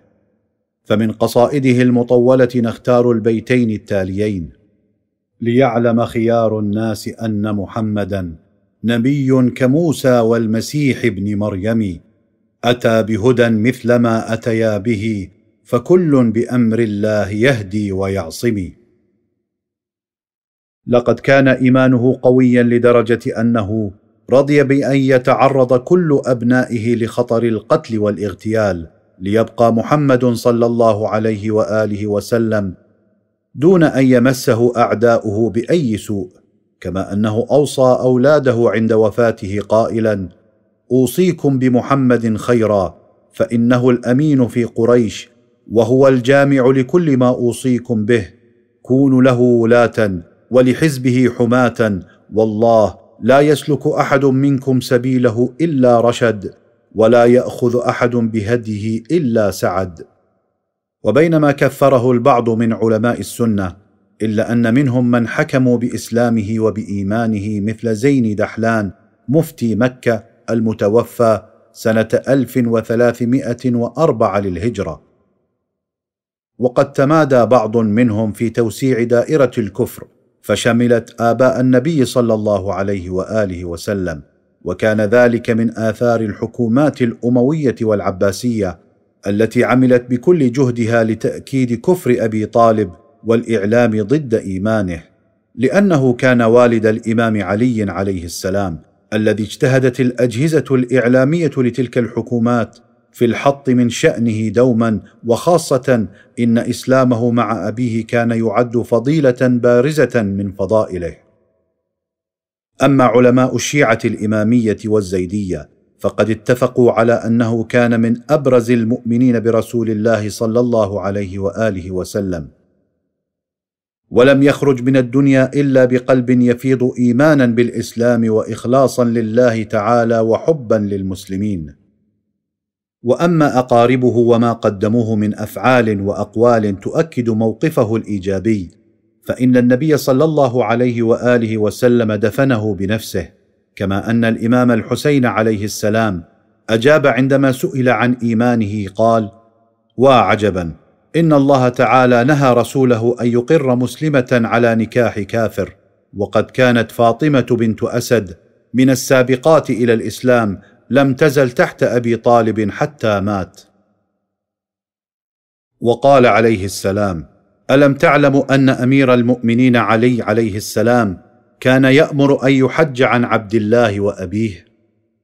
وقال الإمام الصادق عليه السلام إن مثل أبي طالب مثل أصحاب الكهف أسروا الإيمان وأظهروا الشرك فآتاهم الله أجرهم مرتين وكذلك أبو طالب.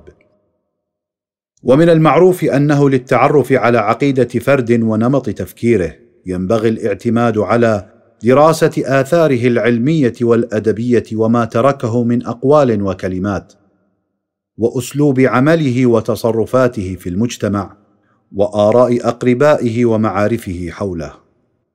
وكل تلك الجوانب أكدت إسلام أبي طالب حامي الرسول العظيم صلى الله عليه وآله وسلم فتسقط كل الأقاويل والأحاديث التي بثها أعداؤه للحط من شأنه وإلصاق الكفر به. وكذلك كان أبو النبي صلى الله عليه وآله وسلم عبد الله فقد ذكر النبي صلى الله عليه وآله وسلم أنه انتقل في الأرحام المطهرة مما يؤكد طهارة آبائه وأمهاته من كل دنس وشرك.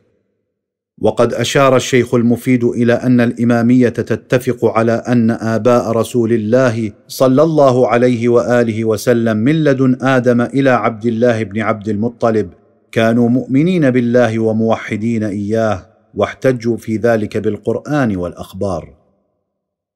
النبي صلى الله عليه وآله وسلم قبل البعثة. تدل الشواهد التاريخية بالإضافة إلى البراهين العقلية على أنه صلى الله عليه وآله وسلم كان مؤمنا بالله وموحدا إياه قبل البعثة. فلم يعبد وثنا قط ولم يسجد لصنم أبدا.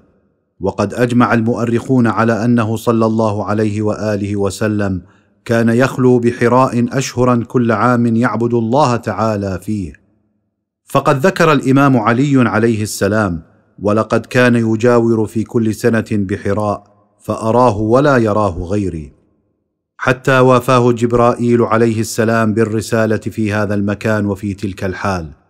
وقد صرح بهذا أيضا أصحاب الصحاح الستة وجاء في الأخبار أن الرسول صلى الله عليه وآله وسلم حج قبل البعثة عدة حجات وكان يأتي بمناسكها على وجه صحيح بعيدا عن أعين قريش.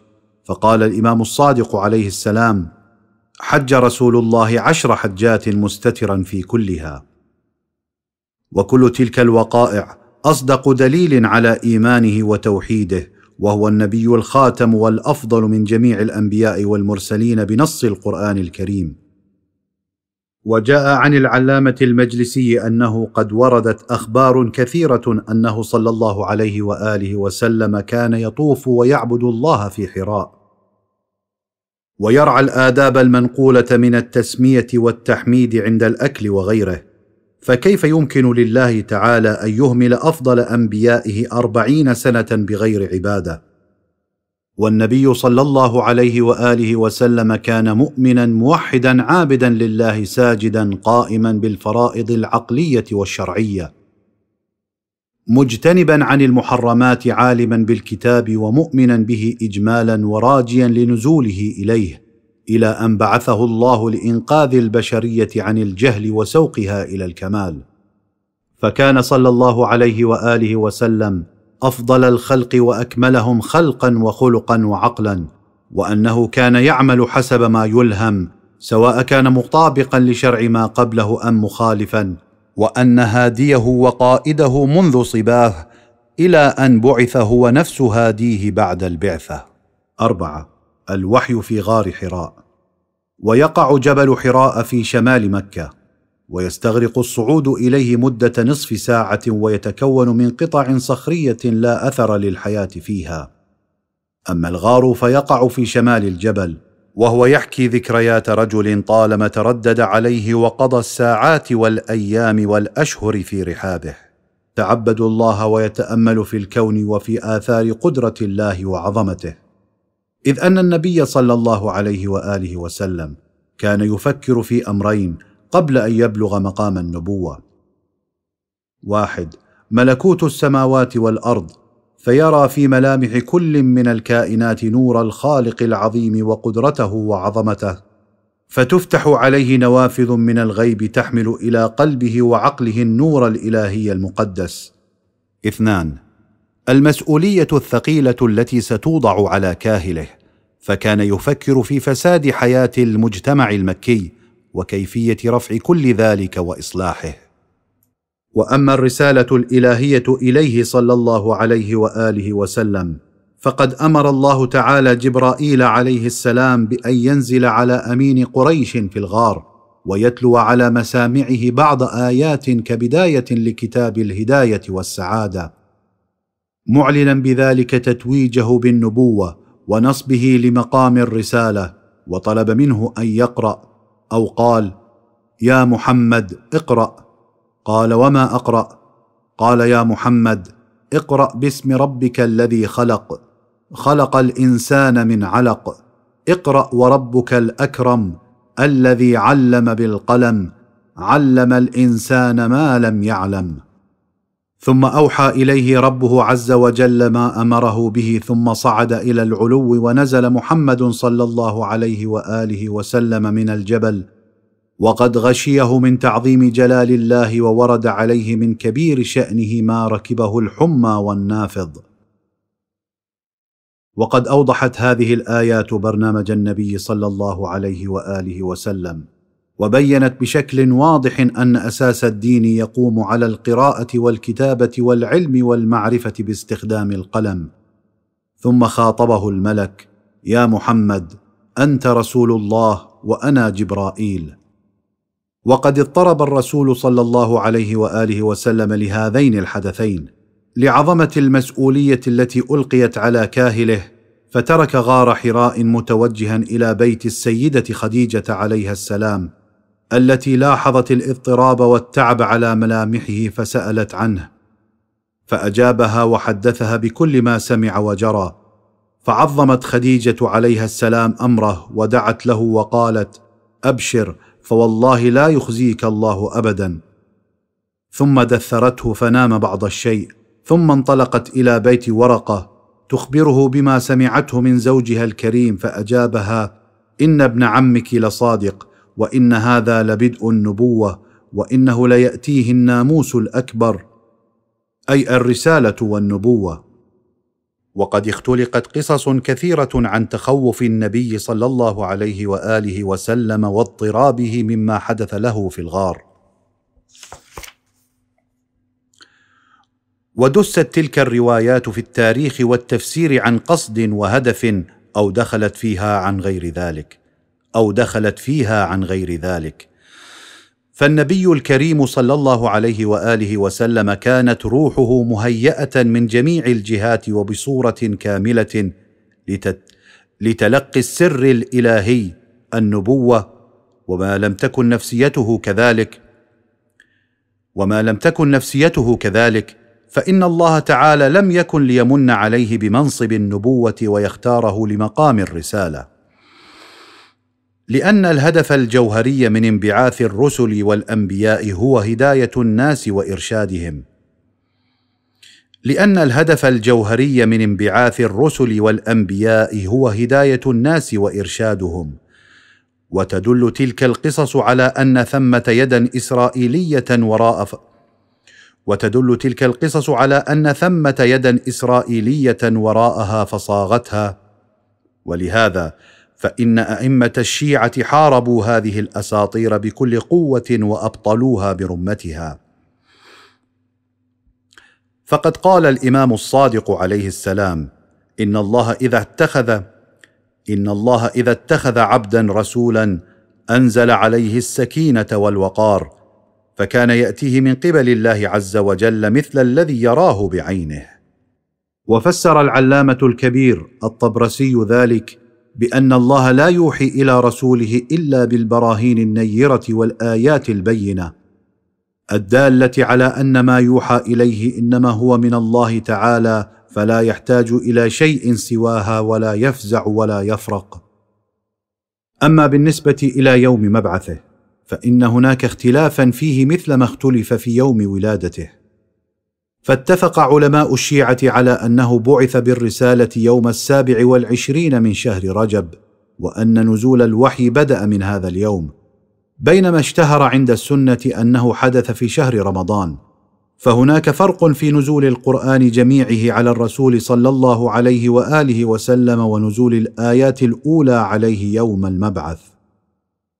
فالآيات التي تصرح بنزول القرآن في شهر رمضان في ليلة القدر المباركة لا تدل على أن يوم المبعث الذي نزلت فيه بضع آيات كان ذلك في الشهر نفسه لأن الآيات المذكورة الدالة على أن القرآن نزل في شهر رمضان تدل على أن مجموع القرآن لا بعضه قد نزل في ذلك الشهر في حين أنه لم ينزل في يوم المبعث سوى آيات معدودة كما أن تفسيرا آخر يؤكد أن للقرآن وجودا جمعيا علميا واقعيا وهو الذي نزل على الرسول الكريم صلى الله عليه وآله وسلم مرة واحدة في شهر رمضان. وآخر وجودا تدريجيا كان بدء نزوله على النبي صلى الله عليه وآله وسلم في يوم المبعث. واستمر نزوله إلى آخر حياته الشريفة على نحو التدريج. وهو ما قدمه العلامة الطبطبائي من تفسير. كما أن ثمة قولا آخر ذهب إلى أن ابتعاث الرسول صلى الله عليه وآله وسلم بالرسالة في شهر رجب. لا يلازم نزول القرآن في ذلك الشهر حتما.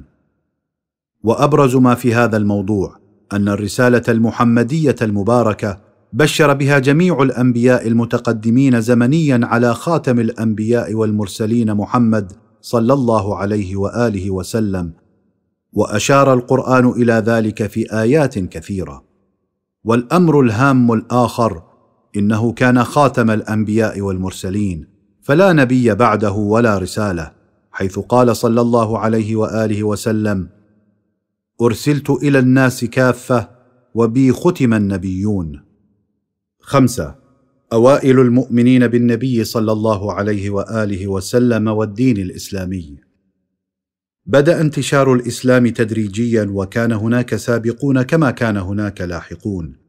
وعد السبق إلى الإيمان برسول الله صلى الله عليه وآله وسلم في صدر الإسلام معيارا للفضل. ولذا كان لابد من التعرف على هؤلاء السابقين. ومن المسلمات أن السيدة خديجة عليها السلام كانت أول امرأة آمنت به صلى الله عليه وآله وسلم فلم يختلف في هذا أحد. وخاصة أن النبي صلى الله عليه وآله وسلم أكد بنفسه ذلك في قوله آمنت بي إذ كفر الناس وصدقتني إذ كذبني الناس. فهي أول من التقته بعد نزول الوحي عليه في الغار فآمنت به وصدقته. كما أن علي بن أبي طالب عليه السلام كان أول من آمن به من الرجال حيث اتفق العلماء كلهم على ذلك إذ أن الإمام عليه السلام كان قد عاش في كنف النبي صلى الله عليه وآله وسلم حتى بعثه الله تعالى نبيا فاتبعه وآمن به وصدقه. فكان مما أنعم الله به على الإمام عليه السلام أنه كان في حجر النبي صلى الله عليه وآله وسلم قبل الإسلام وهو دون الثامنة. فحينما أجدبت مكة وضواحيها وأصاب الناس أزمة شديدة وكان أبو طالب كثير العيال رأى النبي صلى الله عليه وآله وسلم أن يخفف عنه فطلب من عمه العباس أن يأخذ منه بعض عياله فكفل العباس جعفرا وكفل رسول الله صلى الله عليه وآله وسلم عليا. وقيل أن حمزة أخذ جعفرا والعباس طالبا وأبو طالب عقيلا. وقال رسول الله صلى الله عليه وآله وسلم اخترت من اختار الله لي عليكم عليا. ويظهر أن الهدف من ذلك كان هو أن يتربى علي عليه السلام في حجر النبي صلى الله عليه وآله وسلم ويتغذى من مكارم أخلاقه ويتبعه في كريم أفعاله. ويؤكد الإمام عليه السلام موقفه بقوله اللهم إني أول من أناب وسمع وأجاب ولم يسبقني إلا رسول الله بالصلاة. كما جاء عن عفيف الكندي أنه شاهد النبي صلى الله عليه وآله وسلم وزوجته وعليا عليه السلام يؤدون الصلاة أمام الكعبة. وجاء في خطبة له عليه السلام قوله أنا الصديق الأكبر لقد صليت مع رسول الله قبل الناس سبع سنين وأنا أول من صلى معه. كما أن النبي صلى الله عليه وآله وسلم أكد ذلك أيضا في أحاديثه المتكررة أولكم اسلاما علي بن أبي طالب. ومن أقوال الإمام علي عليه السلام في ذلك يذكر حكيم مولى زاذان إنه قال سمعت عليا يقول صليت قبل الناس سبع سنين وكنا نسجد ولا نركع وأول صلاة ركعنا فيها صلاة العصر. وقال أيضا بعث رسول الله صلى الله عليه وآله وسلم يوم الاثنين وأسلمت يوم الثلاثاء. وقد أكد هذا الموقف أكثر من ستين صحابيا وتابعيا أيدوا القول الذي يذكر أن الإمام عليا عليه السلام كان أول القوم اسلاما. وأشهر هؤلاء أنس بن مالك بعث النبي صلى الله عليه وآله وسلم يوم الاثنين وأسلم علي يوم الثلاثاء. بريدة الأسلمي ذكر نفس القول. زيد بن أرقم وأول من صلى مع رسول الله صلى الله عليه وآله وسلم علي وأول من آمن بالله بعد النبي صلى الله عليه وآله وسلم علي عليه السلام. عبد الله بن عباس أول من صلى علي لعلي أربع خصال ليست لأحد. هو أول عربي وأعجمي صلى مع رسول الله صلى الله عليه وآله وسلم. كان علي أول من آمن من الناس بعد خديجة عليها السلام. سلمان الفارسي أول هذه الأمة ورودا على نبيها الحوض أولها إسلاما. علي بن أبي طالب عليه السلام. أبو رافع مكث علي يصلي متخفيا سبع سنين وأشهرا قبل أن يصلي أحد. كما نقل نفس الأقوال والأعمال التي قام بها الإمام علي عليه السلام كل من أبو ذر الغفاري خباب بن الارت المقداد بن عمرو الكندي جابر بن عبد الله الأنصاري أبو سعيد الخدري حذيفة بن اليمان عمر بن الخطاب عبد الله بن مسعود أبو أيوب الأنصاري هاشم بن عتبة المرقال مالك بن الحارث الأشتر عدي بن حاتم محمد بن الحنفية. محمد بن أبي بكر عبد الله بن أبي سفيان الحسن البصري الإمام محمد الباقر عليه السلام. ستة. دعوة الأقربين. استمر النبي صلى الله عليه وآله وسلم يدعو إلى دينه سرا مدة ثلاثة أعوام عمد فيها إلى بناء الكوادر وإعدادها من أفراد محددين. كانوا السبب في أن ينجذب إلى الدين الجديد جماعة آخرون تقبلت دعوته. واشتهر من بين السابقين إلى الإيمان برسول الله صلى الله عليه وآله وسلم. السيدة خديجة بنت خويلد عليها السلام. علي بن أبي طالب عليه السلام. زيد بن حارثة. الزبير بن العوام. عبد الرحمن بن عوف. سعد بن أبي وقاص طلحة بن عبيد الله أبو عبيدة الجراح أبو سلمة الأرقم بن أبي الأرقم عثمان بن مضعون عبد الله بن مضعون سعيد بن زيد أبو بكر بن أبي قحافة قدامة بن مضعون عبيدة بن الحارث خباب بن الأرت عثمان بن عفان. وكان النبي صلى الله عليه وآله وسلم يخرج مع بعض أتباعه إلى شعاب مكة للصلاة فيها بعيدا عن أنظار قريش. إلا أن البعض منهم رأوهم يصلون فحدث نزاع قصير بين الطرفين. حين استنكروا فعلهم وهو ما جعل النبي صلى الله عليه وآله وسلم يقرر اتخاذ بيت الأرقم بن أبي الأرقم مكانا للعبادة. حيث آمن في هذا البيت عدد آخر من المشركين. كان أبرزهم عمار بن ياسر وصهيب بن سنان الرومي. وقد ركز الرسول صلى الله عليه وآله وسلم جهده في الدعوة السرية دون عجلة أو تسرع. يعرض فيها دينه على كل من وجده أهلا لتقبل المبادئ السامية. من الناحية الفكرية ففي خلال ثلاثة أعوام اكتفى بالاتصال الشخصي بمن وجده مؤهلا وصالحا للدعوة ومستعدا لقبول الدين الجديد. مما ساعده في أن يكسب فريقا من الأتباع الذين اهتدوا إلى دينه بقبول دعوته. أما زعماء قريش فإنهم لم يعتنوا بالدعوة الجديدة كما لم يتعرضوا بأي عمل عدائي للرسول صلى الله عليه وآله وسلم بل ظلوا ينظرون إليه باحترام. مراعين قواعد الآداب والسلوك في الوقت الذي لم يتعرض فيه النبي صلى الله عليه وآله وسلم أيضا لأصنامهم وآلهتهم بسوء. ولا تناولها بالنقد والاعتراض بصورة علنية وذلك أن زعماء قريش كانوا متأكدين من أن دعوته ستنتهي في العاجل بقولهم إنها أيام وتنطفئ بعدها شعلة الدعوة هذه فورا كما انطفأت من قبل دعوة ورقة وأمية. اللذين دعيا إلى نبذ الوثنية واعتناق المسيحية ثم نسي الأمر. وقد جمع النبي صلى الله عليه وآله وسلم في السنوات الثلاث الأولى أربعين شخصا. لم يكن فيهم كفاية لأن يصبحوا قوة دفاعية لحماية النبي صلى الله عليه وآله وسلم ورسالته. مما جعله يسعى إلى دعوة أقربائه فكسر بذلك جدار الصمت. بالشروع في دعوة الأقربين ثم الناس أجمعين. فالنبي صلى الله عليه وآله وسلم كان يؤمن ويعتقد أن أي إصلاح وتغيير لا بد أن يبدأ من إصلاح الداخل وتغييره. ومن هنا أمره الله تعالى بأن يدعو عشيرته الأقربين الذين تمنى أن يكون منهم سياجا قويا يحفظه ويحفظ رسالته من الأخطار المحتملة.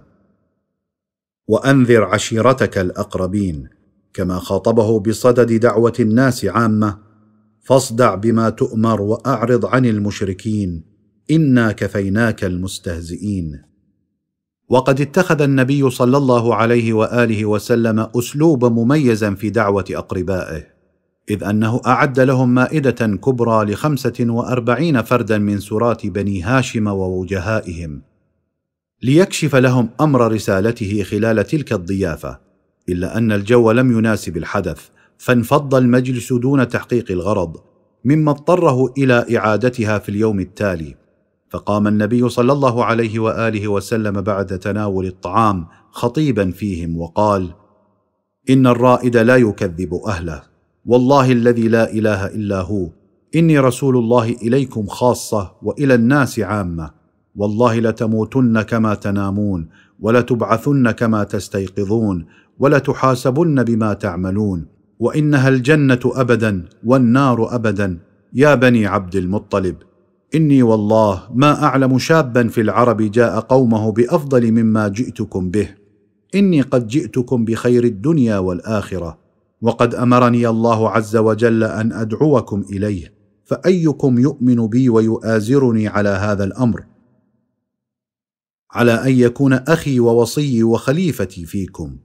فقام علي عليه السلام وهو في الثالثة عشر أو الخامسة عشر من عمره قائلا أنا يا رسول الله أكون وزيرك على ما بعثك الله. وبعدما تكرر هذا الموقف ثلاث مرات أخذ النبي صلى الله عليه وآله وسلم بيد علي عليه السلام والتفت إلى القوم قائلا إن هذا أخي ووصيي وخليفتي فيكم فاسمعوا له وأطيعوا. فضحك الجميع مستهزئين وقالوا لأبي طالب قد أمرك أن تسمع لابنك وتطيعه وجعله عليك اميرا. إن هذا الإعلان عن وصاية الإمام علي عليه السلام وخلافته في مطلع عهد الرسالة وبداية أمر النبوة يفيد أن هذين المنصبين ليسا منفصلين. فقد أعلنهما رسول الله صلى الله عليه وآله وسلم في يوم إعلانه للدعوة والنبوة. مما يؤكد أن النبوة والإمامة يشكلان قاعدة واحدة وإنهما حلقتان متصلتان لا يفصل بينهما شيء. كما أن موقف الإمام علي عليه السلام يكشف عن مدى شجاعته الروحية حينما أعلن بكل جرأة وشجاعة مؤازرة النبي صلى الله عليه وآله وسلم في حضور قوم ضم شيوخهم وساداتهم. معلنا استعداده للتضحية في سبيل دينه وهو غلام لم يتعدى الخامسة عشرة. وقد تناول أبو جعفر الإسكافي هذا الموقف موضحا إذ كتب يقول هل يكلف عمل الطعام ودعاء القوم صغير غير مميز وغير عاقل؟ وهل يؤتمن على سر النبوة طفل؟ وهل يدعى في جملة الشيوخ والكهول إلا عاقل لبيب؟ وهل يضع رسول الله صلى الله عليه وآله وسلم يده في يده ويعطيه صفقة يمينه بالأخوة والوصية والخلافة إلا وهو أهل لذلك؟ بالغ التكليف محتمل لولاية الله وعداوة أعدائه.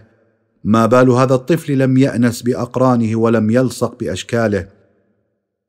ولم ير مع الصبيان في ملاعبهم بعد إسلامه ولم ينزع إليهم في ساعة من ساعاته بل ما رأيناه إلا ماضيا على إسلامه مصمما في أمره محققا لقوله بفعله ولصق برسول الله صلى الله عليه وآله وسلم من بين جميع من حضره فهو أمينه وأليفه في دنياه وآخرته. سبعة الدعوة العامة وتطور ردود أفعال قريش تجاهها. بعد تلك السنوات الثلاث عمد الرسول صلى الله عليه وآله وسلم إلى إعلان الدعوة جهرا حين وقف ذات يوم على صخرة عند جبل الصفا مناديا بصوت عال أرأيتكم إن أخبرتكم إن العدو مصبحكم أو ممسيكم أكنتم تصدقونني؟ قالوا بلى. قال فإني نذير لكم بين يدي عذاب شديد. فرد عليه أحدهم تبا لك ألهذا دعوتنا؟ فتفرق الناس على إثر ذلك. إلا أنه بعد فترة من الدعوة العامة تشكلت جماعة قوية متعاطفة متحابة من السابقين واللاحقين أو القدامى والجدد. كانت بمثابة إنذار لأوساط الكفر والشرك والوثنية وهم المخالفون وقد تألفت تلك الجماعة من قبائل مختلفة منعوا الكفار من التعرض لهم. إذ لم يكن اتخاذ أي قرار حاسم بحقهم امرا سهلا ومريحا. ولذا قرر سادة قريش مواجهة قائد تلك الجماعة ومحركهم بوسائل الترغيب والترهيب بالإغراء والتطميع والإيذاء والتهديد واستمرت برامج قريش وموقفها من الدعوة بهذه الأساليب طيلة عشر سنوات هي عمر الدعوة العامة في مكة حتى اتخذوا قرارهم النهائي بالتخلص منه بقتله في الوقت الذي تمكن صلى الله عليه وآله وسلم من إبطال مؤامرتهم وإفشالها بالهجرة إلى المدينة. وقد بداوا التحرك في مطالبة كفيله صلى الله عليه وآله وسلم أبي طالب بأن يبعد النبي صلى الله عليه وآله وسلم عنهم قائلين له يا أبا طالب إن ابن أخيك قد سب آلهتنا وعاب ديننا وسفه أحلامنا وضلل آباءنا فإما أن تكفه عنا وإما أن تخلي بيننا وبينه إلا أن أبا طالب ردهم بقول جميل وحكيم. ولكن الدين الجديد انتشر بقوة بين العرب والقادمين إلى مكة خلال الأشهر الحرم فأدرك طغاة قريش أن محمدا صلى الله عليه وآله وسلم بدأ يفتح له مكانا في قلوب جميع القبائل فكثر أنصاره منها الأمر الذي دفعهم إلى مقابلة أبي طالب مرة أخرى. ليذكروه إشارة وتصريحا بالأخطار التي أحدقت بهم وبعقائدهم نتيجة نفوذ الإسلام وقوته. إنا والله لا نصبر على هذا من شتم آبائنا وعيب آلهتنا حتى تكفه عنا أو ننازله وإياك في ذلك. حتى يهلك أحد الفريقين. فسكن غضبهم وأطفأ ثائرتهم وهدا خواطرهم ليتم معالجة هذه المشكلة بطريقة أفضل. فأتى النبي صلى الله عليه وآله وسلم وأخبره بأمرهم فرد عليه بالجواب التاريخي الخالد والذي يعتبر من أسطع وألمع السطور في حياة قائد الإسلام الأكبر محمد صلى الله عليه وآله وسلم. يا عم والله لو وضعوا الشمس في يميني والقمر في يساري على أن أترك هذا الأمر حتى يظهره الله أو أهلك دونه ما تركته. مما أثر في عمه بتلك الكلمات العظيمة. فأظهر استعداده الكامل للوقوف إلى جانبه قائلا اذهب يا ابن أخي فقل ما أحببت فوالله لا أسلمك لشيء ابدا. وحاولت قريش مساومه أبي طالب مرة أخرى للتخلص من النبي صلى الله عليه وآله وسلم ودعوته إلا أنه رفض أي نوع من المساومة في هذه القضية محافظا على محمد صلى الله عليه وآله وسلم ودينه.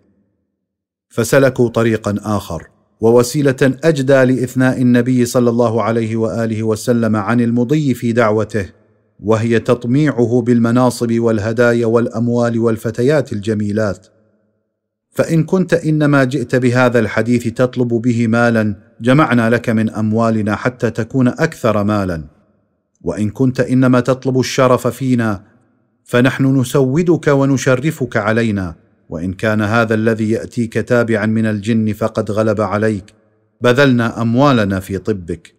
إلا أن الرسول صلى الله عليه وآله وسلم قال لعمه يا عم أريدهم على كلمة واحدة يقولونها تدين لهم العرب وتؤدي إليهم بها العجم الجزية. قالوا ما هي؟ قال لا إله إلا الله. فقاموا فزعين قائلين أجعل الآلهة الها واحدا إن هذا لشيء عجاب. ثمانية. استخدام الأساليب المتعددة لمنع انتشار الدعوة الجديدة. بعد استخدام أسلوب الأخذ والرد مع النبي صلى الله عليه وآله وسلم عن طريق كفيله وعدم جدواه اضطرت قريش إلى تغيير أسلوبها ونهجها مع الرسول صلى الله عليه وآله وسلم في منع انتشار دينه مهما كلف الثمن. وكان أبو طالب من جانب آخر. قد طلب من بني هاشم جميعا القيام بحماية النبي صلى الله عليه وآله وسلم.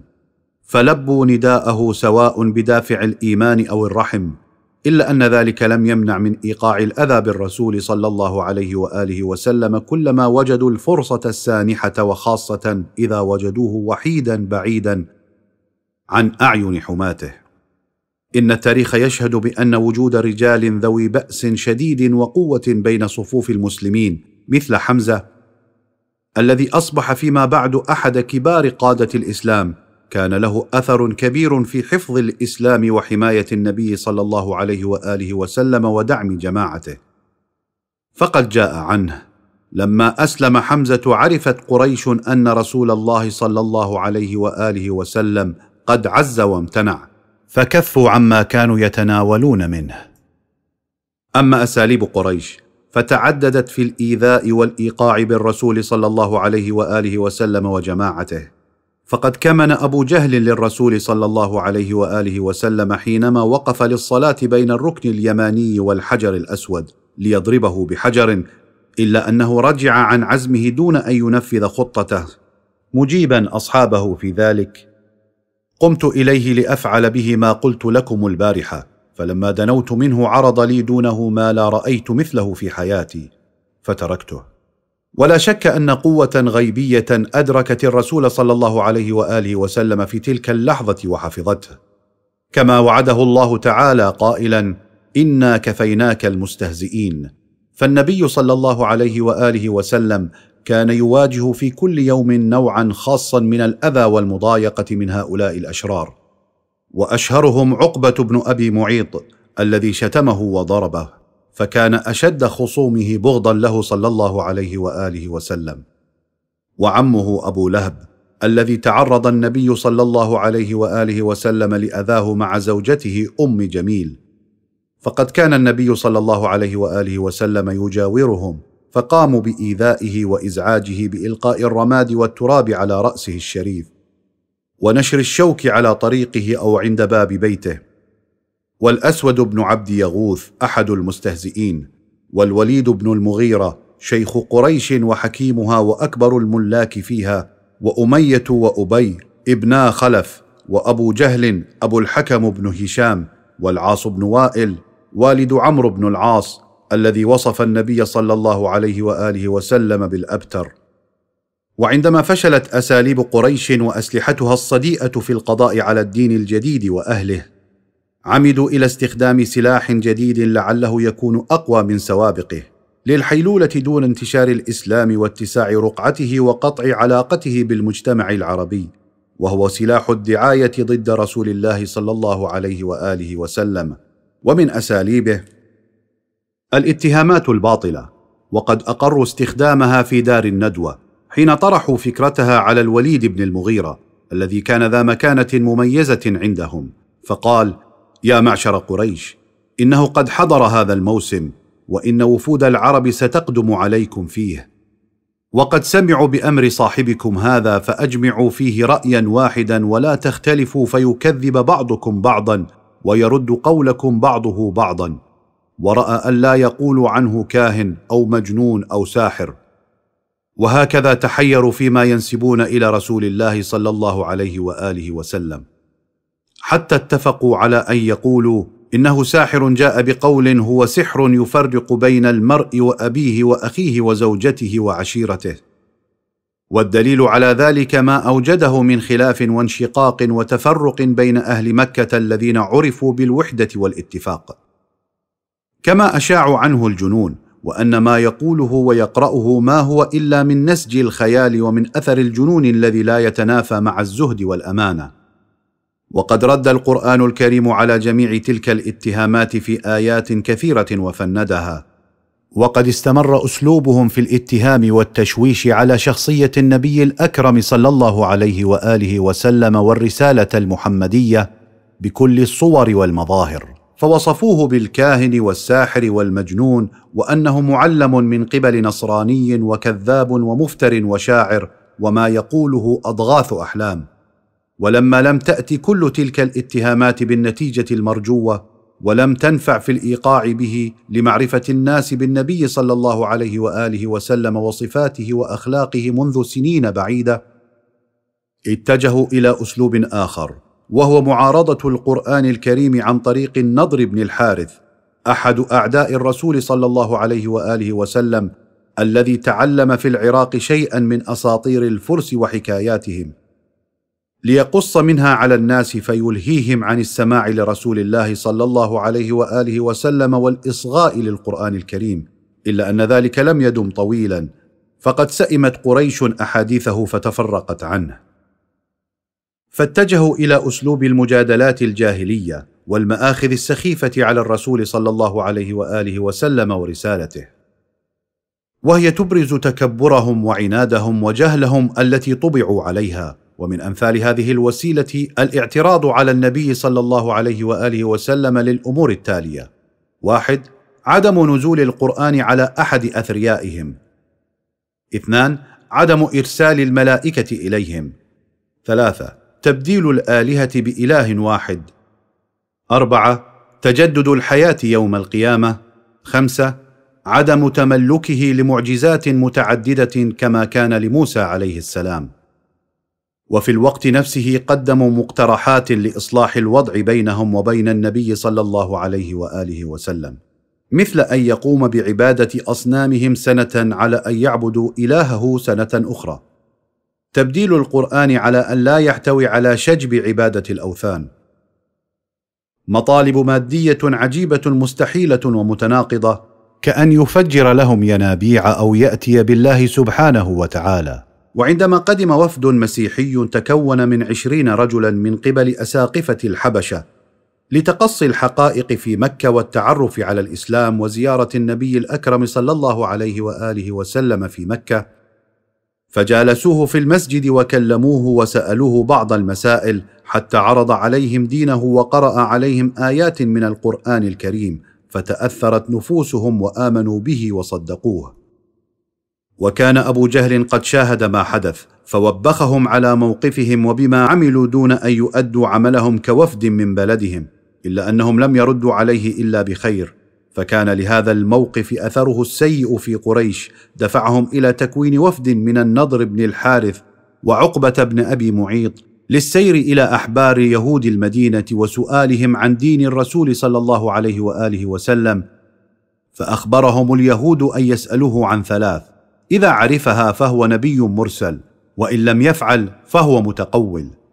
واحد عن فتية ذهبوا في الدهر الأول. اثنان عن رجل طواف.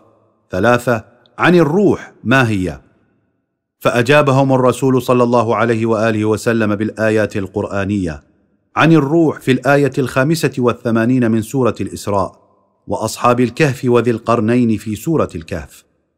فالنبي صلى الله عليه وآله وسلم قابل تلك الآراء الشاذة والمقترحات المؤذية بصبر عظيم وثبات هائل حرصا منه على إبلاغ رسالته. وبعد هذه الخطة الفاشلة نفذوا خطة أخرى وهي منع كل من رغب في الإسلام وقدم إلى مكة للتعرف على النبي صلى الله عليه وآله وسلم والاتصال به وذلك بنشر الجواسيس في الطرقات للتعرض لهؤلاء ومنعهم من الوصول إلى النبي صلى الله عليه وآله وسلم. وممن تعرضوا له في الطريق الشاعر الأعشى الذي قدم إلى مكة ليهدي للرسول أبياتا شعرية ويعلن إسلامه على يديه. فأقنعوه بالعودة إلى بلده بعد أن أخبروه أن النبي صلى الله عليه وآله وسلم يحرم الخمر. وكان الأعشى يحب الخمر والنساء. وقد مات في نفس العام فلم يفد على رسول الله صلى الله عليه وآله وسلم. كما تعرضوا للطفيل بن عمرو الدوسي الذي خشيت قريش أن يقوم بالاتصال بالنبي صلى الله عليه وآله وسلم وهو شاعر حكيم صاحب نفوذ وكلمة مسموعة في قبيلته. فخوفوه من كلام النبي صلى الله عليه وآله وسلم وسحره إلا أنه عندما سمع شيئا من أقوال الرسول صلى الله عليه وآله وسلم دون وعي منه أحسن القول فأسلم وشهد شهادة الحق. ورجع إلى بلاده داعيا قومه إلى الإسلام إلى أن تم اتصاله بالنبي صلى الله عليه وآله وسلم بخيبر فبقي معه حتى قبض صلى الله عليه وآله وسلم. ثم شارك المسلمين بعد ذلك في معارك اليمامة زمن الخلفاء الراشدين وقتل فيها. وتطورت وسائل وأساليب قريش في التخلص من دعوة النبي صلى الله عليه وآله وسلم. وإيقاف زحف تلك الدعوة الإسلامية واتساعها في مدة غير طويلة إلى فرض حصار اقتصادي قوي على النبي صلى الله عليه وآله وسلم والمسلمين. تقطع به كل الشرايين الحيوية لهم فتحد بذلك من سرعة انتشار الدين وتخنق مؤسسه وأنصاره. ولهذا وقع زعماء قريش في دار الندوة ميثاقا كتبه منصور بن عكرمة. وعلقوه في جوف الكعبة وتحالفوا على الالتزام ببنوده حتى الموت وذلك في السنة السابعة من البعثة وقد ضم الميثاق البنود التالية. واحد عدم التعامل التجاري مع النبي صلى الله عليه وآله وسلم وأنصاره. اثنان عدم التزاوج منهم. ثلاثة عدم التحدث معهم أو تناول الطعام معهم. أربعة وأن يكونوا يدا واحدة على محمد صلى الله عليه وآله وسلم وأنصاره.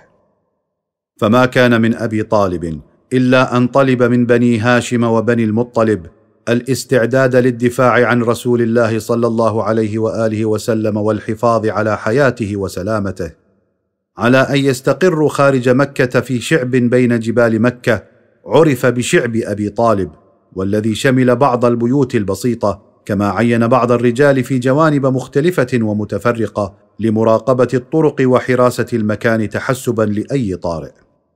ويشهد التاريخ أن أقوى العوامل في ثبات أقلية وصمودها في وجه الأكثرية هو قوة الإيمان والاعتقاد. وهذا ما تجلى في أبي طالب وبني هاشم في هذه المأساة.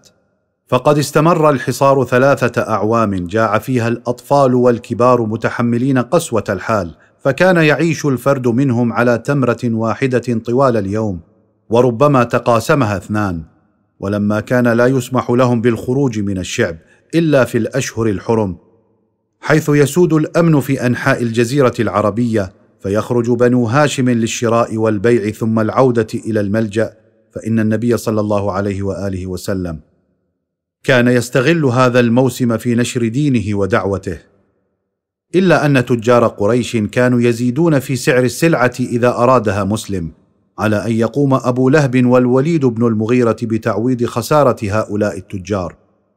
كما أنهم عينوا الجواسيس على الطرق المؤدية للشعب حتى يمنعوا الاتصال بالمسلمين إلا أن بعضا من أنصار النبي صلى الله عليه وآله وسلم كان يوصل الطعام إليهم سرا خلال الليل كما أن قريشا كانوا يصادرون مال كل من أراد التعامل.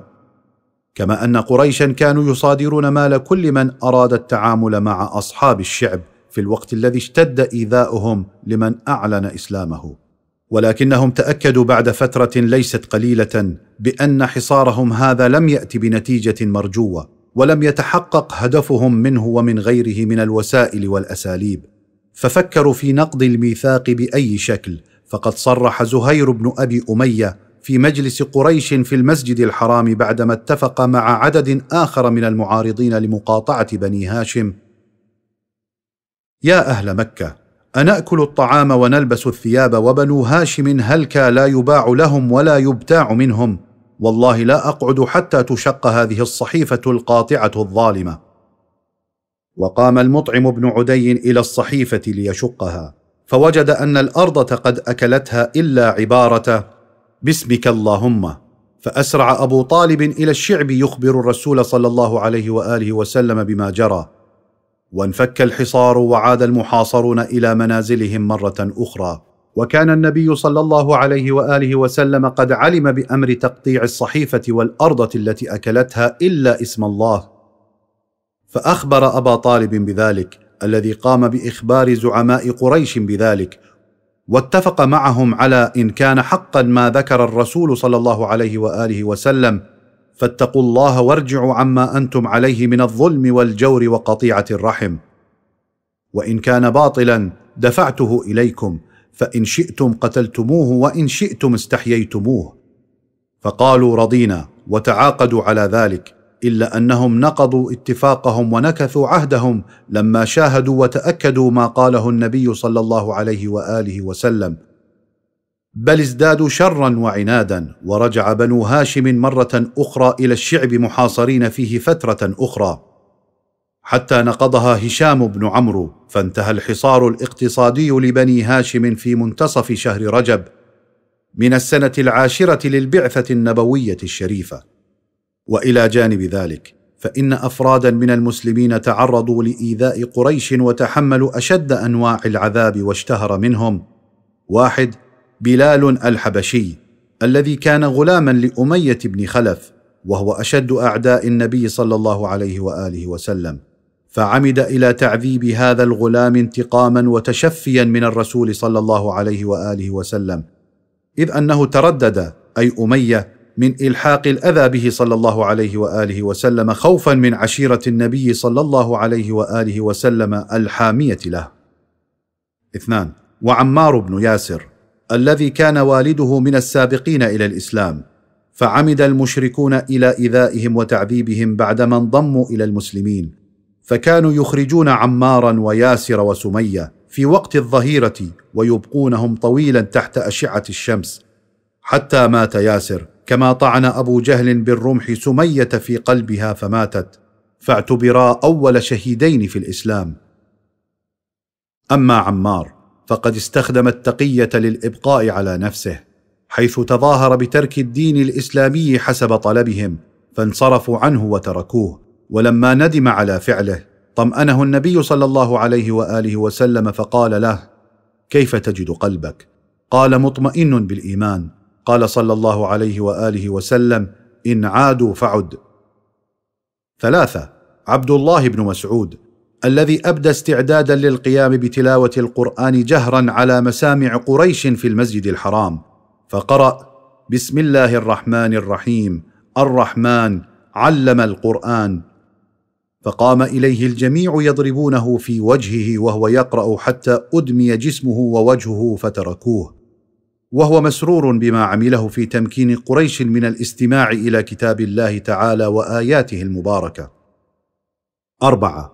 وأبو ذر أيضا جاهر بالدين حين كان المسلمون يدعون سرا. فقد نادى في المسجد أشهد أن لا إله إلا الله وأن محمدا عبده ورسوله. ويؤكد التاريخ أن نداءه هذا كان أول نداء تحدى جبروت قريش وظلمها. أطلقه رجل غريب عن مكة وأهلها فهجم عليه جماعة من قريش وضربوه بشدة حتى أنقذه العباس بن عبد المطلب من الموت. بحجة أنه من غفار وتمر تجارة قريش على بلده فخافوا على تجارتهم فأمسكوا عنه. ولما لم يحن الوقت بعد للدخول في مواجهات ساخنة مع المشركين فإن الرسول صلى الله عليه وآله وسلم أمره بأن يلحق بقومه يدعوهم للإسلام. الحق بقومك فإذا بلغك ظهوري فأتني. وقد تمكن من التأثير في قومه فأسلم أبواه ونصف رجال قبيلته غفار ثم أسلم الباقي بعد هجرة النبي صلى الله عليه وآله وسلم إلى المدينة. ثم تبعتها قبيلة أسلم التي وفدت على الرسول صلى الله عليه وآله وسلم واعتنقوا الإسلام. وقد التحق أبو ذر بالرسول صلى الله عليه وآله وسلم في المدينة وأقام بها وهو أول المهاجرين بالإسلام ورابع أو خامس من أسلم. فكان من السابقين والأولين الذين لهم مكانة عظيمة عند الله تعالى ومقام لا يضاهى. الفصل الرابع. موقف النبي صلى الله عليه وآله وسلم من إيذاء الكفار للمسلمين. مواجهة المسلمين أمام أفعال قريش. واحد الهجرة إلى الحبشة. تعتبر هجرة فريق من المسلمين إلى الحبشة دليلا بارزا على إيمانهم وإخلاصهم العميق لدينهم وربهم. فقد قرر فريق من الرجال والنساء بهدف الحفاظ على عقيدتهم والتخلص من أذى قريش والإقامة في مكان آمن يقيمون فيه شعائرهم بحرية ويعبدون الله الواحد. ان يغادروا مكة إلى جهة تحقق أهدافهم. فنصحهم النبي صلى الله عليه وآله وسلم بالاتجاه إلى الحبشة قائلا لو خرجتم إلى أرض الحبشة فإن بها ملكا لا يظلم عنده أحد وهي أرض صدق حتى يجعل الله لكم فرجا مما أنتم فيه. لماذا اختار الرسول صلى الله عليه وآله وسلم تلك الأرض؟ ويتضح السر إذا درسنا أوضاع الجزيرة العربية والمناطق المجاورة لها. فالهجرة إلى المناطق العربية التي سكنها المشركون والوثنيون كانت تنطوي على خطر كبير على هؤلاء الأفراد من المسلمين. إذ أنهم سيمتنعون عن قبولهم في أرضهم ارضاء لقريش أو وفاء وتعصبا لدين الآباء. وكذلك لم تصلح المناطق التي عاش بها اليهود والنصارى لذلك. إذ أن الصراع المذهبي والطائفي كان شائعا بينها فلم تكن الأوضاع لتسمح بدخول طرف ثالث في حلبة الصراع كما أن هؤلاء الفريقين اليهود والنصارى كانوا يحتقرون العنصر العربي أساسا مما يمنع التعايش معهم. أما المناطق الخارجية فإن اليمن كانت تحت حكم الفرس الذين لم يقبلوا بدعوة النبي صلى الله عليه وآله وسلم فيما بعد. حتى إن إمبراطور فارس طلب من عامله على اليمن القيام بالقبض على الرسول صلى الله عليه وآله وسلم وإرساله إليه. وكذلك الحيرة فقد كانت تحت النفوذ الإيراني وسيطرته. أما الشام فكانت بعيدة عن مكة المكرمة. لم تصلح للجوء المسلمين إليها كما أنها كانت سوقا لقريش تربط سكانها بهم روابط وعلاقات وثيقة وهي علاقات اقتصادية قوية. ولذا فإن الفريق المؤمن غادر مكة ليلا في غفلة من المشركين نحو ميناء جدة للسفر عبر مينائها إلى أرض الحبشة حيث وصلوا في الوقت الذي كانت فيه سفينتان تجاريتان على أهبة الإقلاع فبادر المسلمون إلى ركوبها لقاء نصف دينار عن كل راكب. وكان الفريق مكونا من عشرة أو خمسة عشر شخصا بينهم أربع من النسوة المسلمات. ولم يكونوا من قبيلة واحدة بل انتمى كل واحد منهم إلى قبيلة معينة. وقد حدث ذلك في شهر رجب في السنة الخامسة من مبعث النبي صلى الله عليه وآله وسلم. وقد حاول المشركون في مكة اللحاق بهم فبعثوا جماعة من رجالهم لإعادتهم إلى مكة إلا أن السفينة كانت قد غادرت الميناء وكان رؤساء دار الندوة بمكة وأقطابها يعلمون جيدا أضرار هذه الهجرة وآثارها على أوضاعهم ولذا اهتموا في إعادتهم فورا إلى ديارهم. وقد تبعت هذه الهجرة خروج جماعة أخرى بلغ عددها ثلاثة وثمانين فردا على رأسهم جعفر بن أبي طالب ابن عم الرسول صلى الله عليه وآله وسلم حيث تمت بحرية وقد اصطحبوا فيها نساءهم وأولادهم إلى أرض الحبشة أيضا. وقد وجد المسلمون أرضها كما وصفها النبي صلى الله عليه وآله وسلم عامرة وبيئة آمنة حرة تصلح لعبادة الله تعالى بحرية وأمان. وبينت السيدة أم سلمة الوضع بقولها لما نزلنا أرض الحبشة جاورنا بها خير جار النجاشي أمننا على ديننا وعبدنا الله تعالى لا نؤذى ولا نسمع شيئا نكرهه. وقد حدثت هذه الهجرة في رجب من السنة الخامسة من النبوة وهي السنة الثانية من إظهار الدعوة فأقاموا شعبان ورمضان وقدموا في شوال لما بلغهم أن قريشا أسلمت فعاد منهم قوم وتخلف آخرون. إلا أن ذلك كان كذبا فلم يدخل منهم مكة إلا القليل وعادت الأكثرية إلى الحبشة ثانية. وكان ممن دخل مكة منهم عثمان بن مضعون الذي دخل بجوار الوليد بن المغيرة ولكنه رد عليه جواره فاختار جوار الله ليواسي المسلمين ويشاركهم آلامهم ومتاعبهم مما جعله يتلقى فيما بعد شيئا من تعذيب الكفار وأذيتهم فأصابوا عينه. وحينما علمت قريش ما أصبح فيه المسلمون المهاجرون من أمن وحرية ثار فيهم الحسد. وتوجسوا خيفة من نفوذهم هناك في الحبشة التي اعتبرت أرضها الآن قاعدة قوية لهم كما أنهم تخوفوا من اعتناق نجاشي الحبشة لدينهم فيكسبوا تأييده مما يدفعه إلى محاربة مكة فيما بعد للقضاء على حكومة المشركين الوثنيين في شبه الجزيرة العربية. ولذا فقد اجتمع الأقطاب في دار الندوة للتشاور في هذا الأمر الخطير. فاستقر رأيهم على إرسال وفد منهم إلى البلاط الحبشي لاستمالة القواد والوزراء بالهدايا القيمة.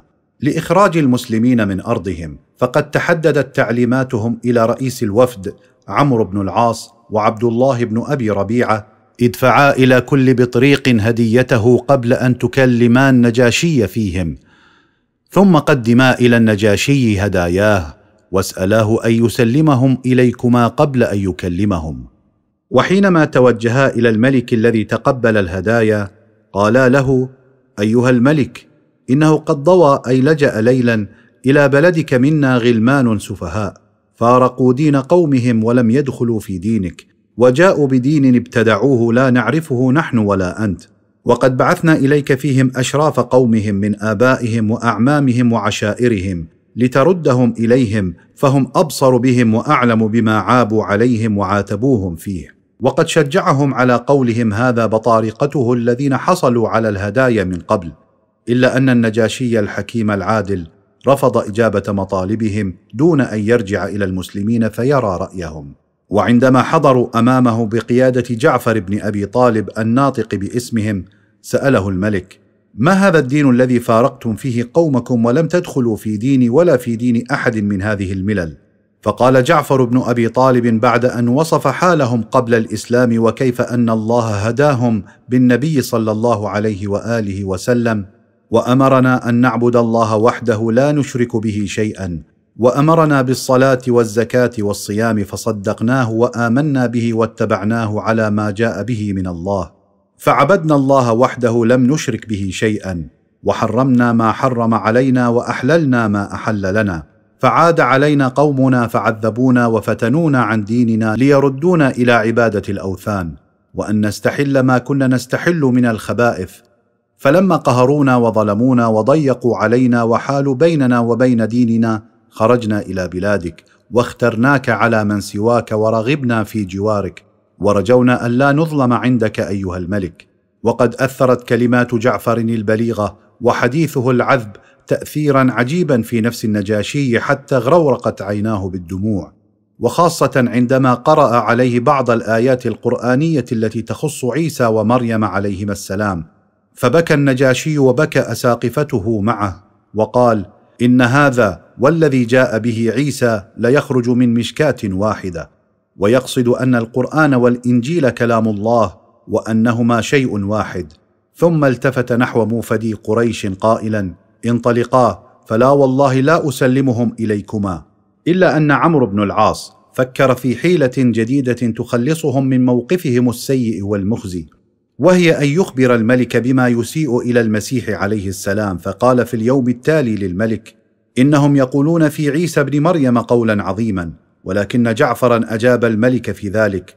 نقول فيه الذي جاءنا به نبينا صلى الله عليه وآله وسلم هو عبد الله ورسوله وروحه وكلمته ألقاها إلى مريم العذراء البتول مما سر النجاشي ورضي به وقال هذا والله هو الحق. وقال للمسلمين اذهبوا فأنتم آمنون في أرضي من سبكم غرم ما أحب أن لي دبرا من ذهب وإني آذيت رجلا منكم.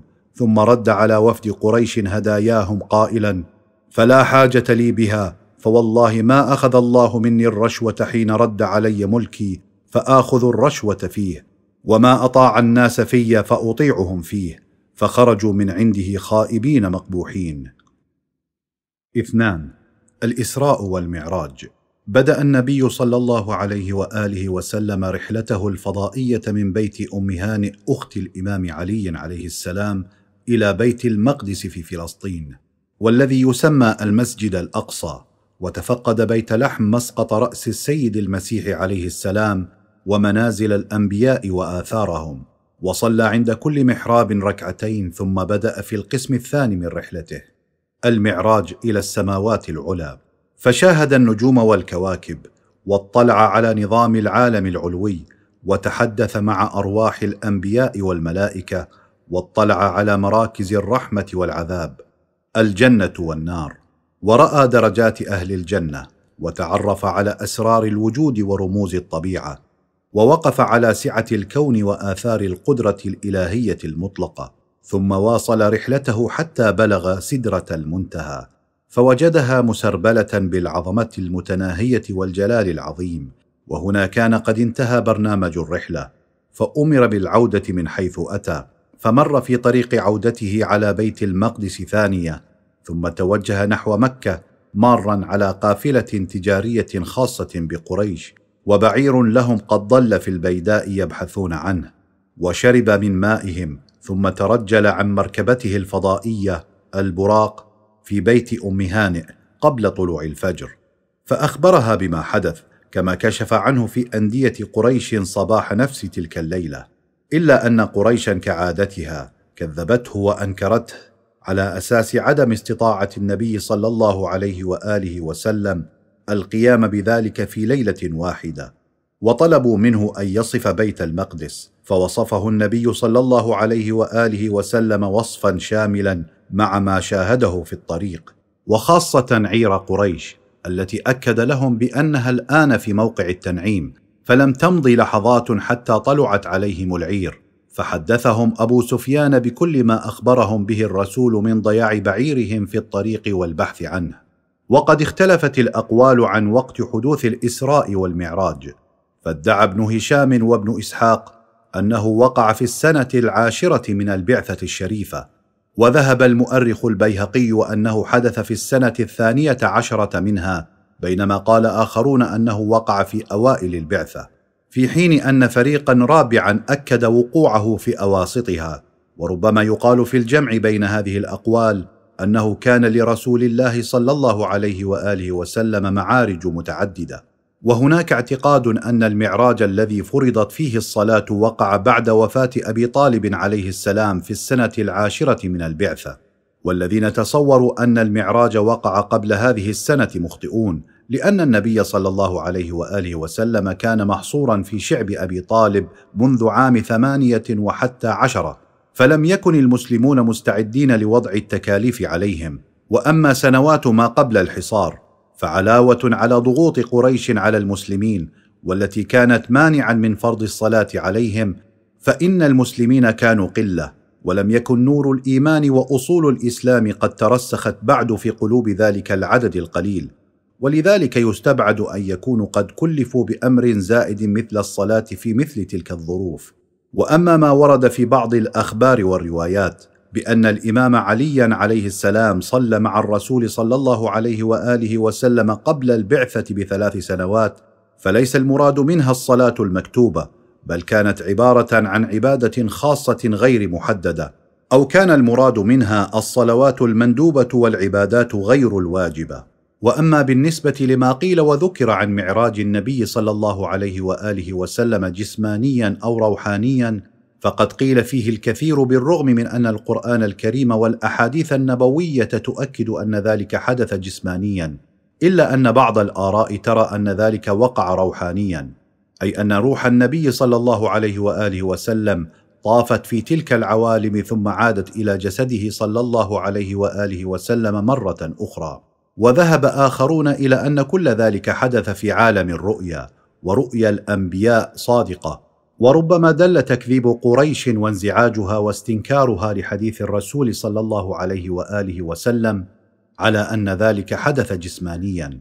وإذا كان المراد من المعراج الروحاني هو التفكير في عظمة الحق وسعة الخلق والتدبير في مخلوقات الله ومصنوعاته ومشاهدة جماله وجلاله فلا شك أن ذلك ليس من خصائص رسولنا الأكرم صلى الله عليه وآله وسلم بل أن كثيرا من الأنبياء والأولياء امتلكوا هذه المرتبة بينما اعتبره القرآن الكريم من خصائصه صلى الله عليه وآله وسلم ونوع من الامتياز الخاص به صلى الله عليه وآله وسلم كما أن حالة التفكير في عظمة الخالق والاستغراق في التوجه إليه كانت تتكرر للرسول صلى الله عليه وآله وسلم في كل ليلة وليس ليلة بعينها كما جرى وحدث في المعراج. أما في العلم الحديث فإن القوانين الطبيعية والعلمية الحالية لا تتلائم مع معراج النبي صلى الله عليه وآله وسلم وذلك للأسباب التالية. واحد إن الابتعاد عن الأرض يتطلب التخلص من جاذبيتها أي إبطال مفعولها. والنبي صلى الله عليه وآله وسلم كان قد خرج عن محيط الجاذبية وأصبح في حالة انعدام الوزن. فكيف تمكن أن يطوي هذه المسافات بدون الوسائل والأدوات اللازمة وعدم توافر الغطاء الواقي الذي يصون الجسم من التبعثر والذوبان بفعل السرعة الهائلة؟ اثنان وكيف تمكن من العيش والحياة في أعالي الجو بدون وجود أكسجين؟ ثلاثة وكيف تمكن أن يصون نفسه من الأشعة الفضائية والأحجار السماوية؟ أربعة. وإذا كان الإنسان يعيش تحت ضغط معين من الهواء لا يوجد في الطبقات العليا من الجو فكيف حافظ على حياته هناك؟ خمسة. لا يستطيع أي جسم أن يتحرك بسرعة تفوق سرعة النور التي هي ثلاثون ألف كيلومتر في الثانية. فكيف استطاع النبي صلى الله عليه وآله وسلم السير بتلك السرعة الهائلة ويرجع إلى الأرض سالم الجسم؟ والجواب على ذلك سهل ويسير. فإن البشر استطاع بأدواته وآلاته العلمية والتكنولوجية أن يعالج مشكلات عديدة في مجال ارتياد الفضاء مثل مشكلة الأشعة الفضائية وانعدام الغاز اللازم للتنفس. كما أن العلماء يخططون للعيش على سطح الكواكب كالقمر والمريخ. وبذا فإن العلم يؤكد سهولة ارتياد الفضاء وعدم استحالته. فإذا كان البشر في إمكانه أن يقوم بذلك عن طريق الأدوات والآلات العلمية فإن الأنبياء يمكنهم فعلها بواسطة قدرة الله سبحانه وتعالى وفعله. فالنبي صلى الله عليه وآله وسلم عرج بعناية وقدرة الله الذي خلق الوجود كله. وأقام هذا النظام البديع فجميع العلل الطبيعية والموانع الخارجية مسخرة لله تعالى وخاضعة لإرادته ومطيعة لأمره. وكأن النبي صلى الله عليه وآله وسلم يخبر البشرية وحتى الذين يعيشون في هذا القرن أنني فعلت هذا بدون أي وسيلة وإن ربي قد من علي وعرفني على نظام السماوات والأرض وأطلعني بقدرته وعنايته على أسرار الوجود ورموز الكون. وقال الإمام موسى الكاظم عليه السلام في ذلك إن الله يوصف بمكان ولا يجري عليه زمان ولكنه عز وجل أراد أن يشرف به ملائكته وسكان سماواته ويكرمهم بمشاهدته ويريه من عجائب عظمته ما يخبر به بعد هبوطه. وليس ذلك على ما يقوله المشبهون سبحان الله تعالى عما يصفون. ثلاثة سفر النبي صلى الله عليه وآله وسلم إلى الطائف. توفيت السيدة خديجة عليها السلام بعد وفاة أبي طالب بشهر وخمسة أيام. وفي السنة العاشرة من البعثة وهي التي سماها الرسول صلى الله عليه وآله وسلم عام الحداد أو الحزن. ومنذ هذا الوقت واجه صلى الله عليه وآله وسلم ظروفا صعبة قاسية قلما واجهها من قبل. فقد اصطدم منذ بداية السنة الحادية عشر بأحوال قاسية مفعمة بالعداء والحقد والأخطار التي هددت حياته الشريفة بل افتقاد إمكانية نشر الدعوة. فلما هلك أبو طالب نالت قريش من رسول الله صلى الله عليه وآله وسلم من الأذى ما لم تكن تطمع به في حياة أبي طالب. حتى اعترضه سفيه من سفهاء قريش فنثر على رأسه ترابا. وفي البيت عندما بكت ابنته على وضعه هذا قال ما نالت مني قريش شيئا أكرهه حتى مات أبو طالب. وقد دفع هذا الأمر المتردي أن يبحث الرسول صلى الله عليه وآله وسلم عن بيئة أخرى أفضل من بيئته لنشر الدعوة فيها. فاختار الطائف التي كانت تعتبر مركزا هاما آنذاك فقرر السفر إليها وحيدا لمقابلة زعماء ثقيف. لعله يكسب نجاحا في مهمته أو انصارا جددا إلا أن عرضه لم يؤثر فيهم. بل إنهم ردوا عليه بصبيانية أوضحت تملصهم من قبول الدعوة أو اعتناق الدين بل أنهم تمادوا في سلوكهم العدواني فأحاط به جمع كبير منهم يسبونه ويصيحون به. فالتجأ إلى بستان عتبة وشيبة ابني ربيعة للتخلص من هؤلاء السفهاء وعمد إلى ظل جلس فيه وهو يتصبب عرقا فقد ألحقوا الأذى بمواضع عديدة من بدنه الشريف. كما أن رجليه سالت منهما الدماء ولما دعا الله سبحانه وتعالى أن يعينه على هؤلاء الأشرار. فقد تقدم إليه ابنا ربيعة اللذان كانا ينظران إليه ويريان ما لقي من سفهاء أهل الطائف بطبق من عنب قدمه إليه صلى الله عليه وآله وسلم غلام لهما اسمه عداس النصراني من أهل نينوى. فلما رأى ما يعلمه الرسول صلى الله عليه وآله وسلم من علوم عن المسيح عليه السلام أسلم على يديه إلا أن النبي صلى الله عليه وآله وسلم لم يتمكن من الرجوع إلى مكة بسهولة حيث خاف أذى المشركين مما جعله يترك نخلة وهي واد بين الطائف ومكة إلى حراء. فالتقى رجلا من بني خزاعة طلب منه أن يخبر المطعم بن عدي بحالته ويسأله أن يجير رسول الله صلى الله عليه وآله وسلم حتى يدخل مكة في أمان. ورغم أن المطعم كان وثنيا إلا أنه قبل أن يجيره صلى الله عليه وآله وسلم. فدخل الرسول صلى الله عليه وآله وسلم مكة ليلا ونزل في بيت مطعم وبات فيه. ثم دخل في الصباح مع أهل بيته إلى المسجد الحرام ثم إلى منزله.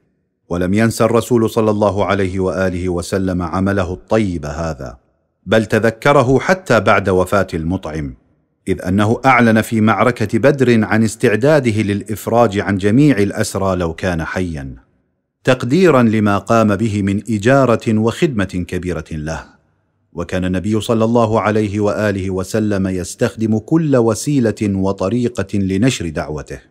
فكان يقوم بالدعوة في كل وقت وكل مكان منتهزا الفرص المناسبة لذلك مثل استغلاله لأسواق العرب الشهيرة عكاظ والمجنة وذي المجاز حيث كان الخطباء والشعراء يقفون فيها ليلقوا ما عندهم من شعر وخطب. فكان النبي صلى الله عليه وآله وسلم يقف على مكان مرتفع خاطبا قولوا لا إله إلا الله تفلحوا وتملكوا بها العرب وتذل لكم العجم وإذا آمنتم كنتم ملوكا في الجنة. كما أنه كان يلتقي في مواسم الحج برؤساء القبائل وأشرافها يعرض عليهم دينه ويدعوهم إلى الله سبحانه ويخبرهم بأنه نبي مرسل. ويقول ابن هشام في ذلك كان صلى الله عليه وآله وسلم لا يسمع بقادم من العرب إلى مكة له اسم وشرف إلا تصدى له فدعاه إلى الله وعرض عليه ما عنده. المرحلة الجديدة في الدعوة ونتائجها المؤثرة. أربعة بيعة العقبة. سكنت يثرب قبيلتا الأوس والخزرج في القرن الرابع الميلادي بعد هجرتهم من اليمن وهم من القحطانيين. كما سكن بجانبهم اليهود القادمين من شمال الجزيرة العربية وكثيرا ما كان يحضر منهم جماعة إلى مكة. فكان النبي صلى الله عليه وآله وسلم يلتقي بهم ويتصل معهم عارضا عليهم دينه. وقد كان لهذه اللقاءات والاتصالات أثرها فيما بعد ودافعا لهجرة الرسول صلى الله عليه وآله وسلم إلى يثرب. فكان حجاجهم ينقلون أخباره صلى الله عليه وآله وسلم إلى أهاليهم مما مكنهم التعرف عليه وعلى أهدافه. وقد تمت تلك الاتصالات فيما بين سنوات أحد عشر واثنا عشر وثلاثة عشر من البعثة. ومن أشهر من تشرف بمقابلة الرسول صلى الله عليه وآله وسلم سويد بن الصامت الذي أسلم ونشر الإسلام بين قومه إلا أن الخزرج قتلته قبل يوم بعاث. وإياس بن معاذ الذي رأى في إسلام أهله تخلصا من النزاع والتناحر بينهم ليصبحوا بفضل الدين الجديد إخوة تزول بينهم أسباب العداء والقتال. وكذلك تمت مبايعة ستة أفراد من الخزرج والإيمان به وبالإسلام. إنا قد تركنا قومنا ولا قوم بينهم من العداوة والشر مثل ما بينهم فعسى أن يجمعهم الله بك فسنقدم عليهم فندعوهم إلى أمرك ونعرض عليهم الذي أجبناك إليه من هذا الدين فإن يجمعهم الله عليه فلا رجل أعز منك. وكان لهؤلاء تأثيرهم الإيجابي في أهل يثرب. حيث أسلم عدد منهم وقدم في السنة التالية الثانية عشرة من البعثة اثنا عشر رجلا منهم. عقدوا مع النبي صلى الله عليه وآله وسلم بيعة العقبة وهي أول بيعة في الإسلام وكان أبرزهم أسعد بن زرارة وعبادة بن الصامت. وكان نص البيعة بعد الاعتراف بالإسلام والإيمان بالله وبرسوله. بايعنا رسول الله صلى الله عليه وآله وسلم على أن لا نشرك بالله شيئا ولا نسرق ولا نزني ولا نقتل أولادنا ولا نأتي ببهتان نفتريه من بين أيدينا وأرجلنا ولا نعصيه في معروف. ويرد عليهم الرسول صلى الله عليه وآله وسلم إن وفيتم فلكم الجنة وإن غشيتم من ذلك شيئا فأمركم إلى الله عز وجل إن شاء عذب وإن شاء غفر. وطلبوا من النبي صلى الله عليه وآله وسلم أن يرسل إليهم من يعلمهم القرآن والدين إذ أنهم نشطوا في نشر الإسلام بعد عودتهم إلى يثرب. فبعث إليهم مصعب بن عمير الداعية النشط الذي تمكن من أن يجمع المسلمين في غياب الرسول صلى الله عليه وآله وسلم ويؤمهم ويصلي بهم. وهكذا. فقد أحدث تقدم الإسلام في يثرب هيجانا كبيرا وشوقا عجيبا في نفوس المسلمين من أهلها. فانتظروا حلول موسم الحج للالتقاء بالرسول صلى الله عليه وآله وسلم. فخرجت قافلة كبيرة منهم ضمت خمسمائة نفر فيهم ثلاثة وسبعون مسلما بينهم امرأتان. فالتقوا بالرسول صلى الله عليه وآله وسلم الذي واعدهم بالعقبة. موعدكم العقبة. في الليلة الوسطى من ليالي التشريق وهي الليلة الثالثة عشر من شهر ذي الحجة فاجتمع بهم مع عمه العباس بن عبد المطلب بعد أن مضى ثلث الليل ونام الناس حتى لا يشعروا بخروجهم.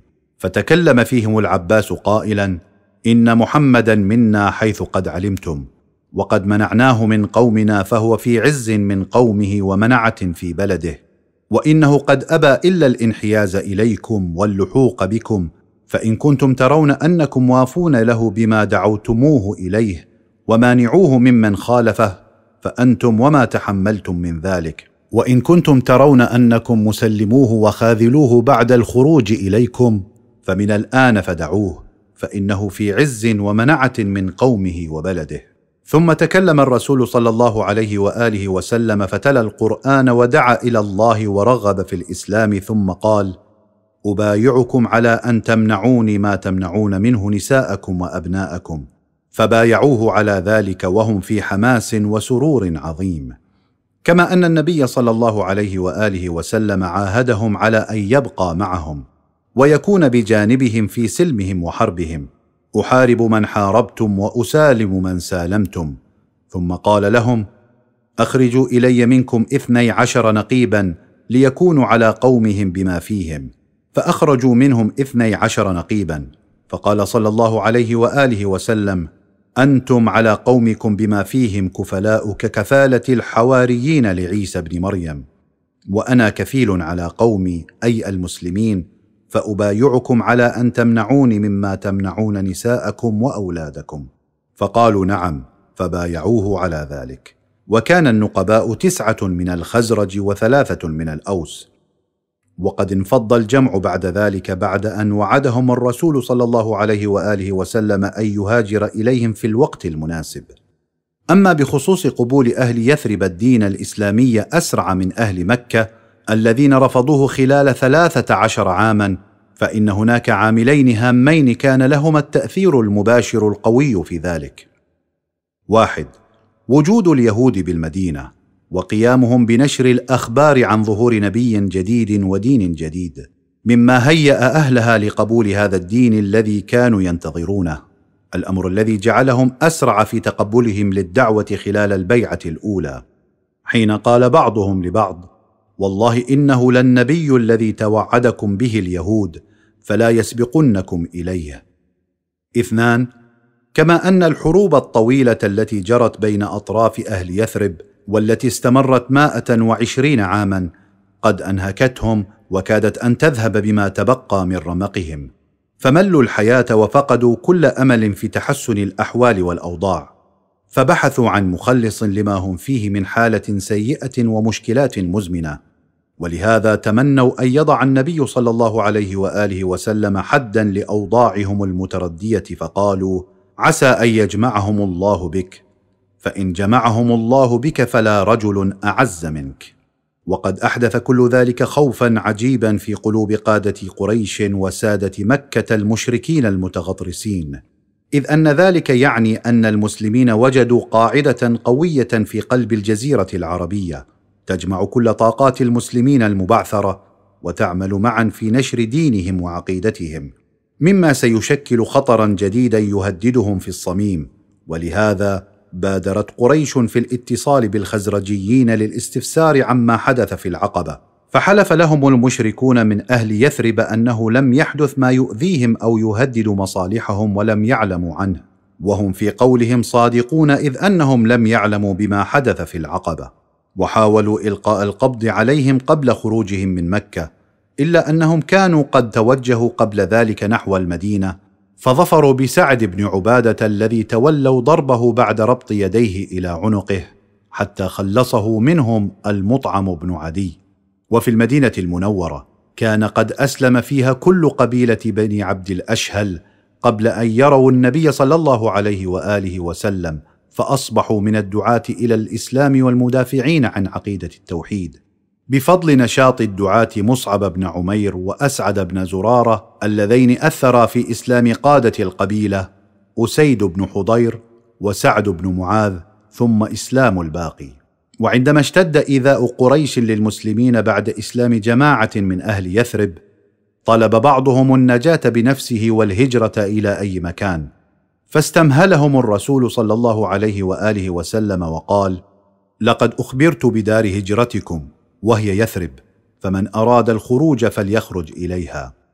وبذا فقد ترك المسلمون مكة وهاجروا إلى المدينة تدريجيا حتى لا تعلم بهم قريش إلا أن زعماءها فطنوا لسرهم فمنعوا السفر والتنقل لأي مسلم وإعادة كل من وجدوه أثناء الطريق وحبس زوجة كل مسلم أراد الهجرة ولكن لحسن الحظ لم يثمر كل ذلك فإن معظم المسلمين تمكنوا من الفرار والهجرة إلى يثرب ما عدا النبي صلى الله عليه وآله وسلم والإمام علي عليه السلام وأبو بكر وعدد قليل من المسجونين والمرضى من المسلمين.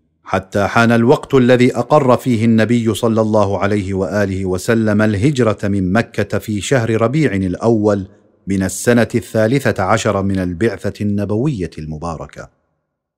خمسة الهجرة الكبرى.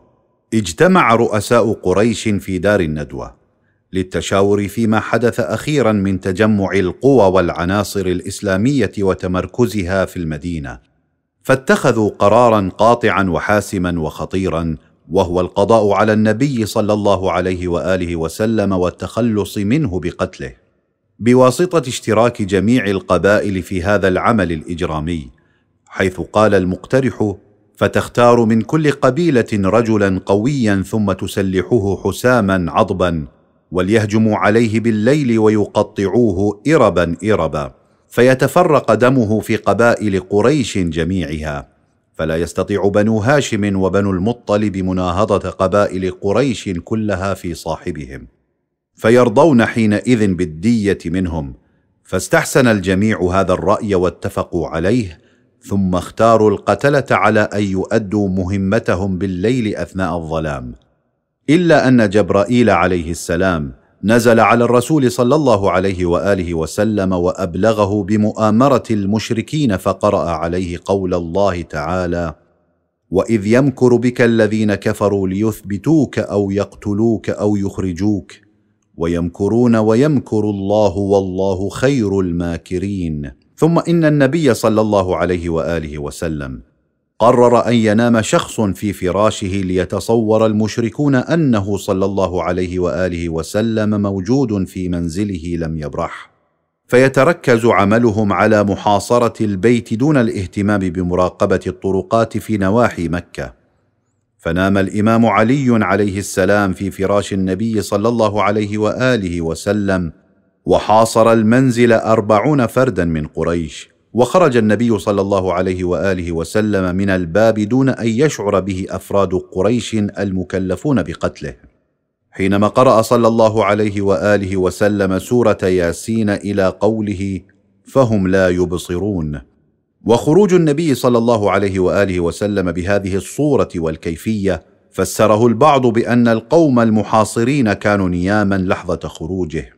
إلا أن آخرين يرون أنه خرج من البيت عن طريق الإعجاز والكرامة دون أن يروه ويحسوا به.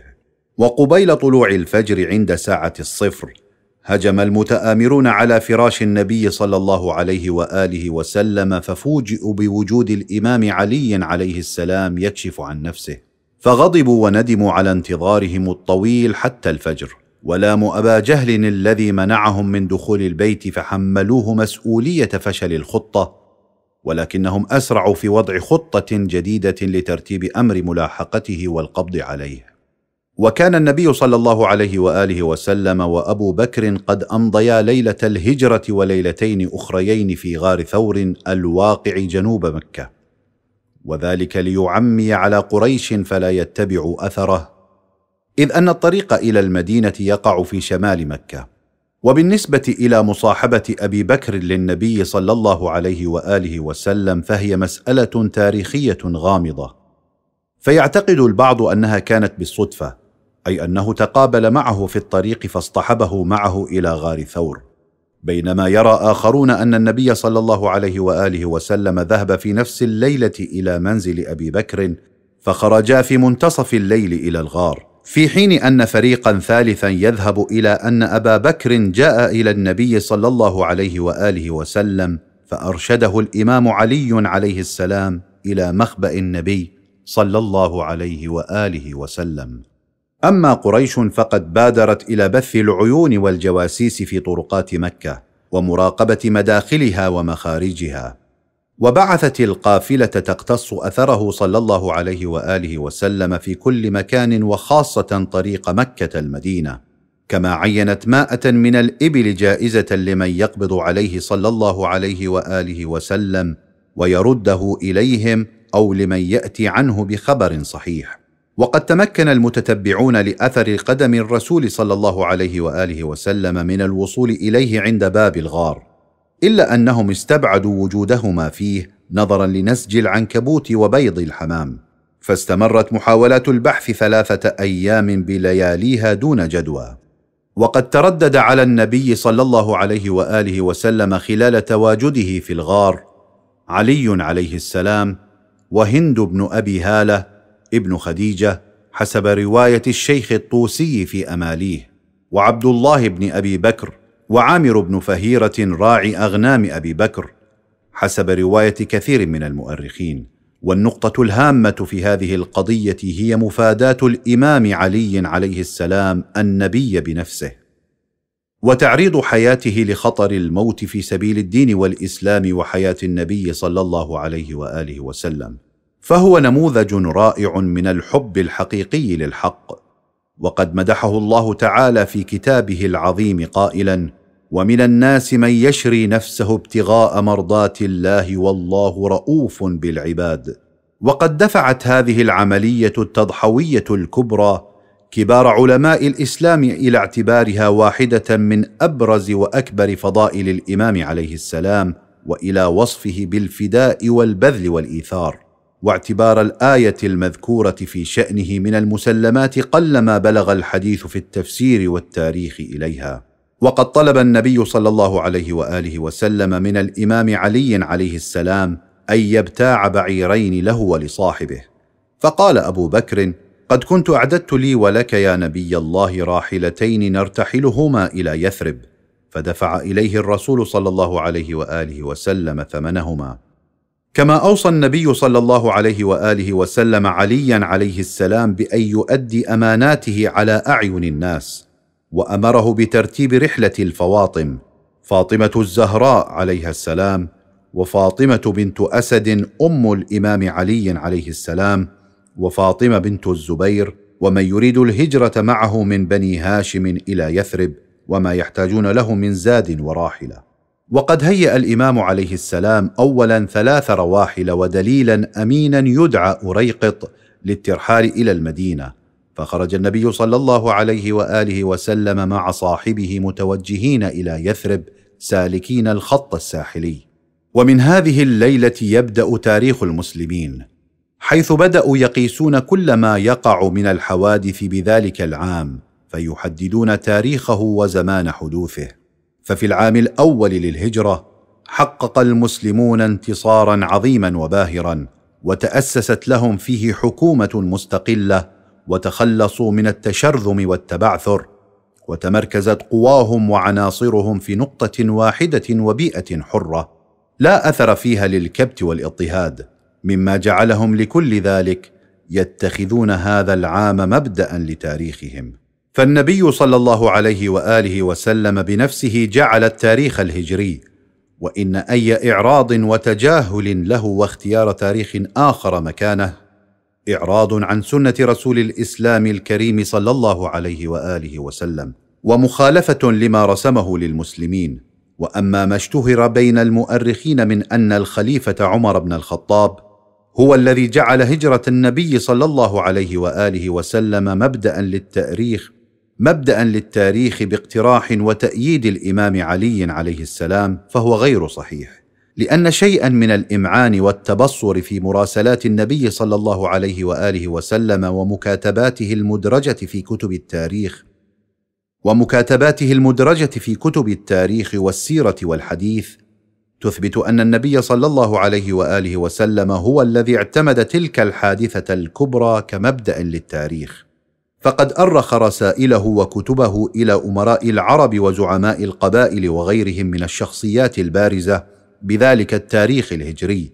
فهناك كثير من الكتب أرخت قبل السنة السادسة عشر أو السابعة عشر من الهجرة وقد يكون في السنة الخامسة الهجرية. كما أن أصحابه صلى الله عليه وآله وسلم أرخوا في أيام حياته الحوادث الإسلامية بهجرته. فقالوا وقع كذا في شهر كذا من الهجرة. فمثلا قيل حولت القبلة من بيت المقدس إلى الكعبة في شهر شعبان ستة عشر شهرا أو سبعة عشر شهرا أو ثمانية عشر شهرا. وفي السنة الخامسة من الهجرة أمر الرسول صلى الله عليه وآله وسلم بإحلال السنة الهجرية مكان الشهر الهجري. ستة وصول النبي صلى الله عليه وآله وسلم إلى المدينة. تمكن سراقة بن مالك من اللحاق بالنبي صلى الله عليه وآله وسلم وأبي بكر وهما في الطريق إلى المدينة فدعا عليه النبي صلى الله عليه وآله وسلم فجمح به فرسه وطرحه ارضا فعرف أن ذلك من دعاء النبي صلى الله عليه وآله وسلم عليه فاعتذر له وطلب منه السماح له بالعودة على أن لا يخبر احدا بمكانهما وموقعهما ففعل. ورد كل من بحث عنهما في الطريق. أما الرسول صلى الله عليه وآله وسلم فقد وصل إلى قباء في الثاني عشر من شهر ربيع الأول يوم الاثنين ونزل على كلثوم بن الهرم شيخ بني عمرو بن عوف ولبث في قباء إلى آخر الأسبوع وبنى فيها مسجدا. وانتظر لحين قدوم الإمام علي عليه السلام والسيدة فاطمة عليها السلام حيث كان قد لحق به الكفار وحاولوا محاربته إلا أنه عليه السلام تمكن من التخلص منهم فتركه القوم خائفين من غضبه وقوته فواصل سيره باتجاه المدينة حيث وصلها في منتصف شهر ربيع الأول. ولما انحدر النبي صلى الله عليه وآله وسلم من ثنية الوداع وهي منطقة قريبة من المدينة وحط قدمه على تراب يثرب استقبله الناس رجالا ونساء كبارا وصغارا استقبالا عظيما ورحبوا به أعظم ترحيب. مرددين أناشيد فرحين به طلع البدر علينا من ثنيات الوداع. وأصر القوم على النزول عند أحدهم إلا أن النبي صلى الله عليه وآله وسلم كان يقول عن ناقته خلوا سبيلها فإنها مأمورة. فانتهت الناقة إلى أرض واسعة كانت ليتيمين من الخزرج. يقال لهما سهل وسهيل. كانا في حجر أسعد بن زرارة فبركت على باب أبي أيوب خالد بن يزيد الأنصاري. فاغتنمت أم أيوب الفرصة وبادرت إلى رحل الرسول صلى الله عليه وآله وسلم فحلته وأدخلته منزلها. وعندما تنازع القوم في أخذه قال الرسول صلى الله عليه وآله وسلم أين الرحل؟ فقالوا أدخلته أم أيوب في بيتها. فقال صلى الله عليه وآله وسلم المرء مع رحله. وقد اتفق كتاب السيرة على أن الرسول صلى الله عليه وآله وسلم دخل المدينة يوم الجمعة حيث صلى الجمعة في بني سالم بن عوف وهي أول جمعة جمعها صلى الله عليه وآله وسلم في الإسلام وخطب أول خطبة في المدينة كان لها الأثر العميق في قلوب أهلها ونفوسهم. انتهى القسم الأول.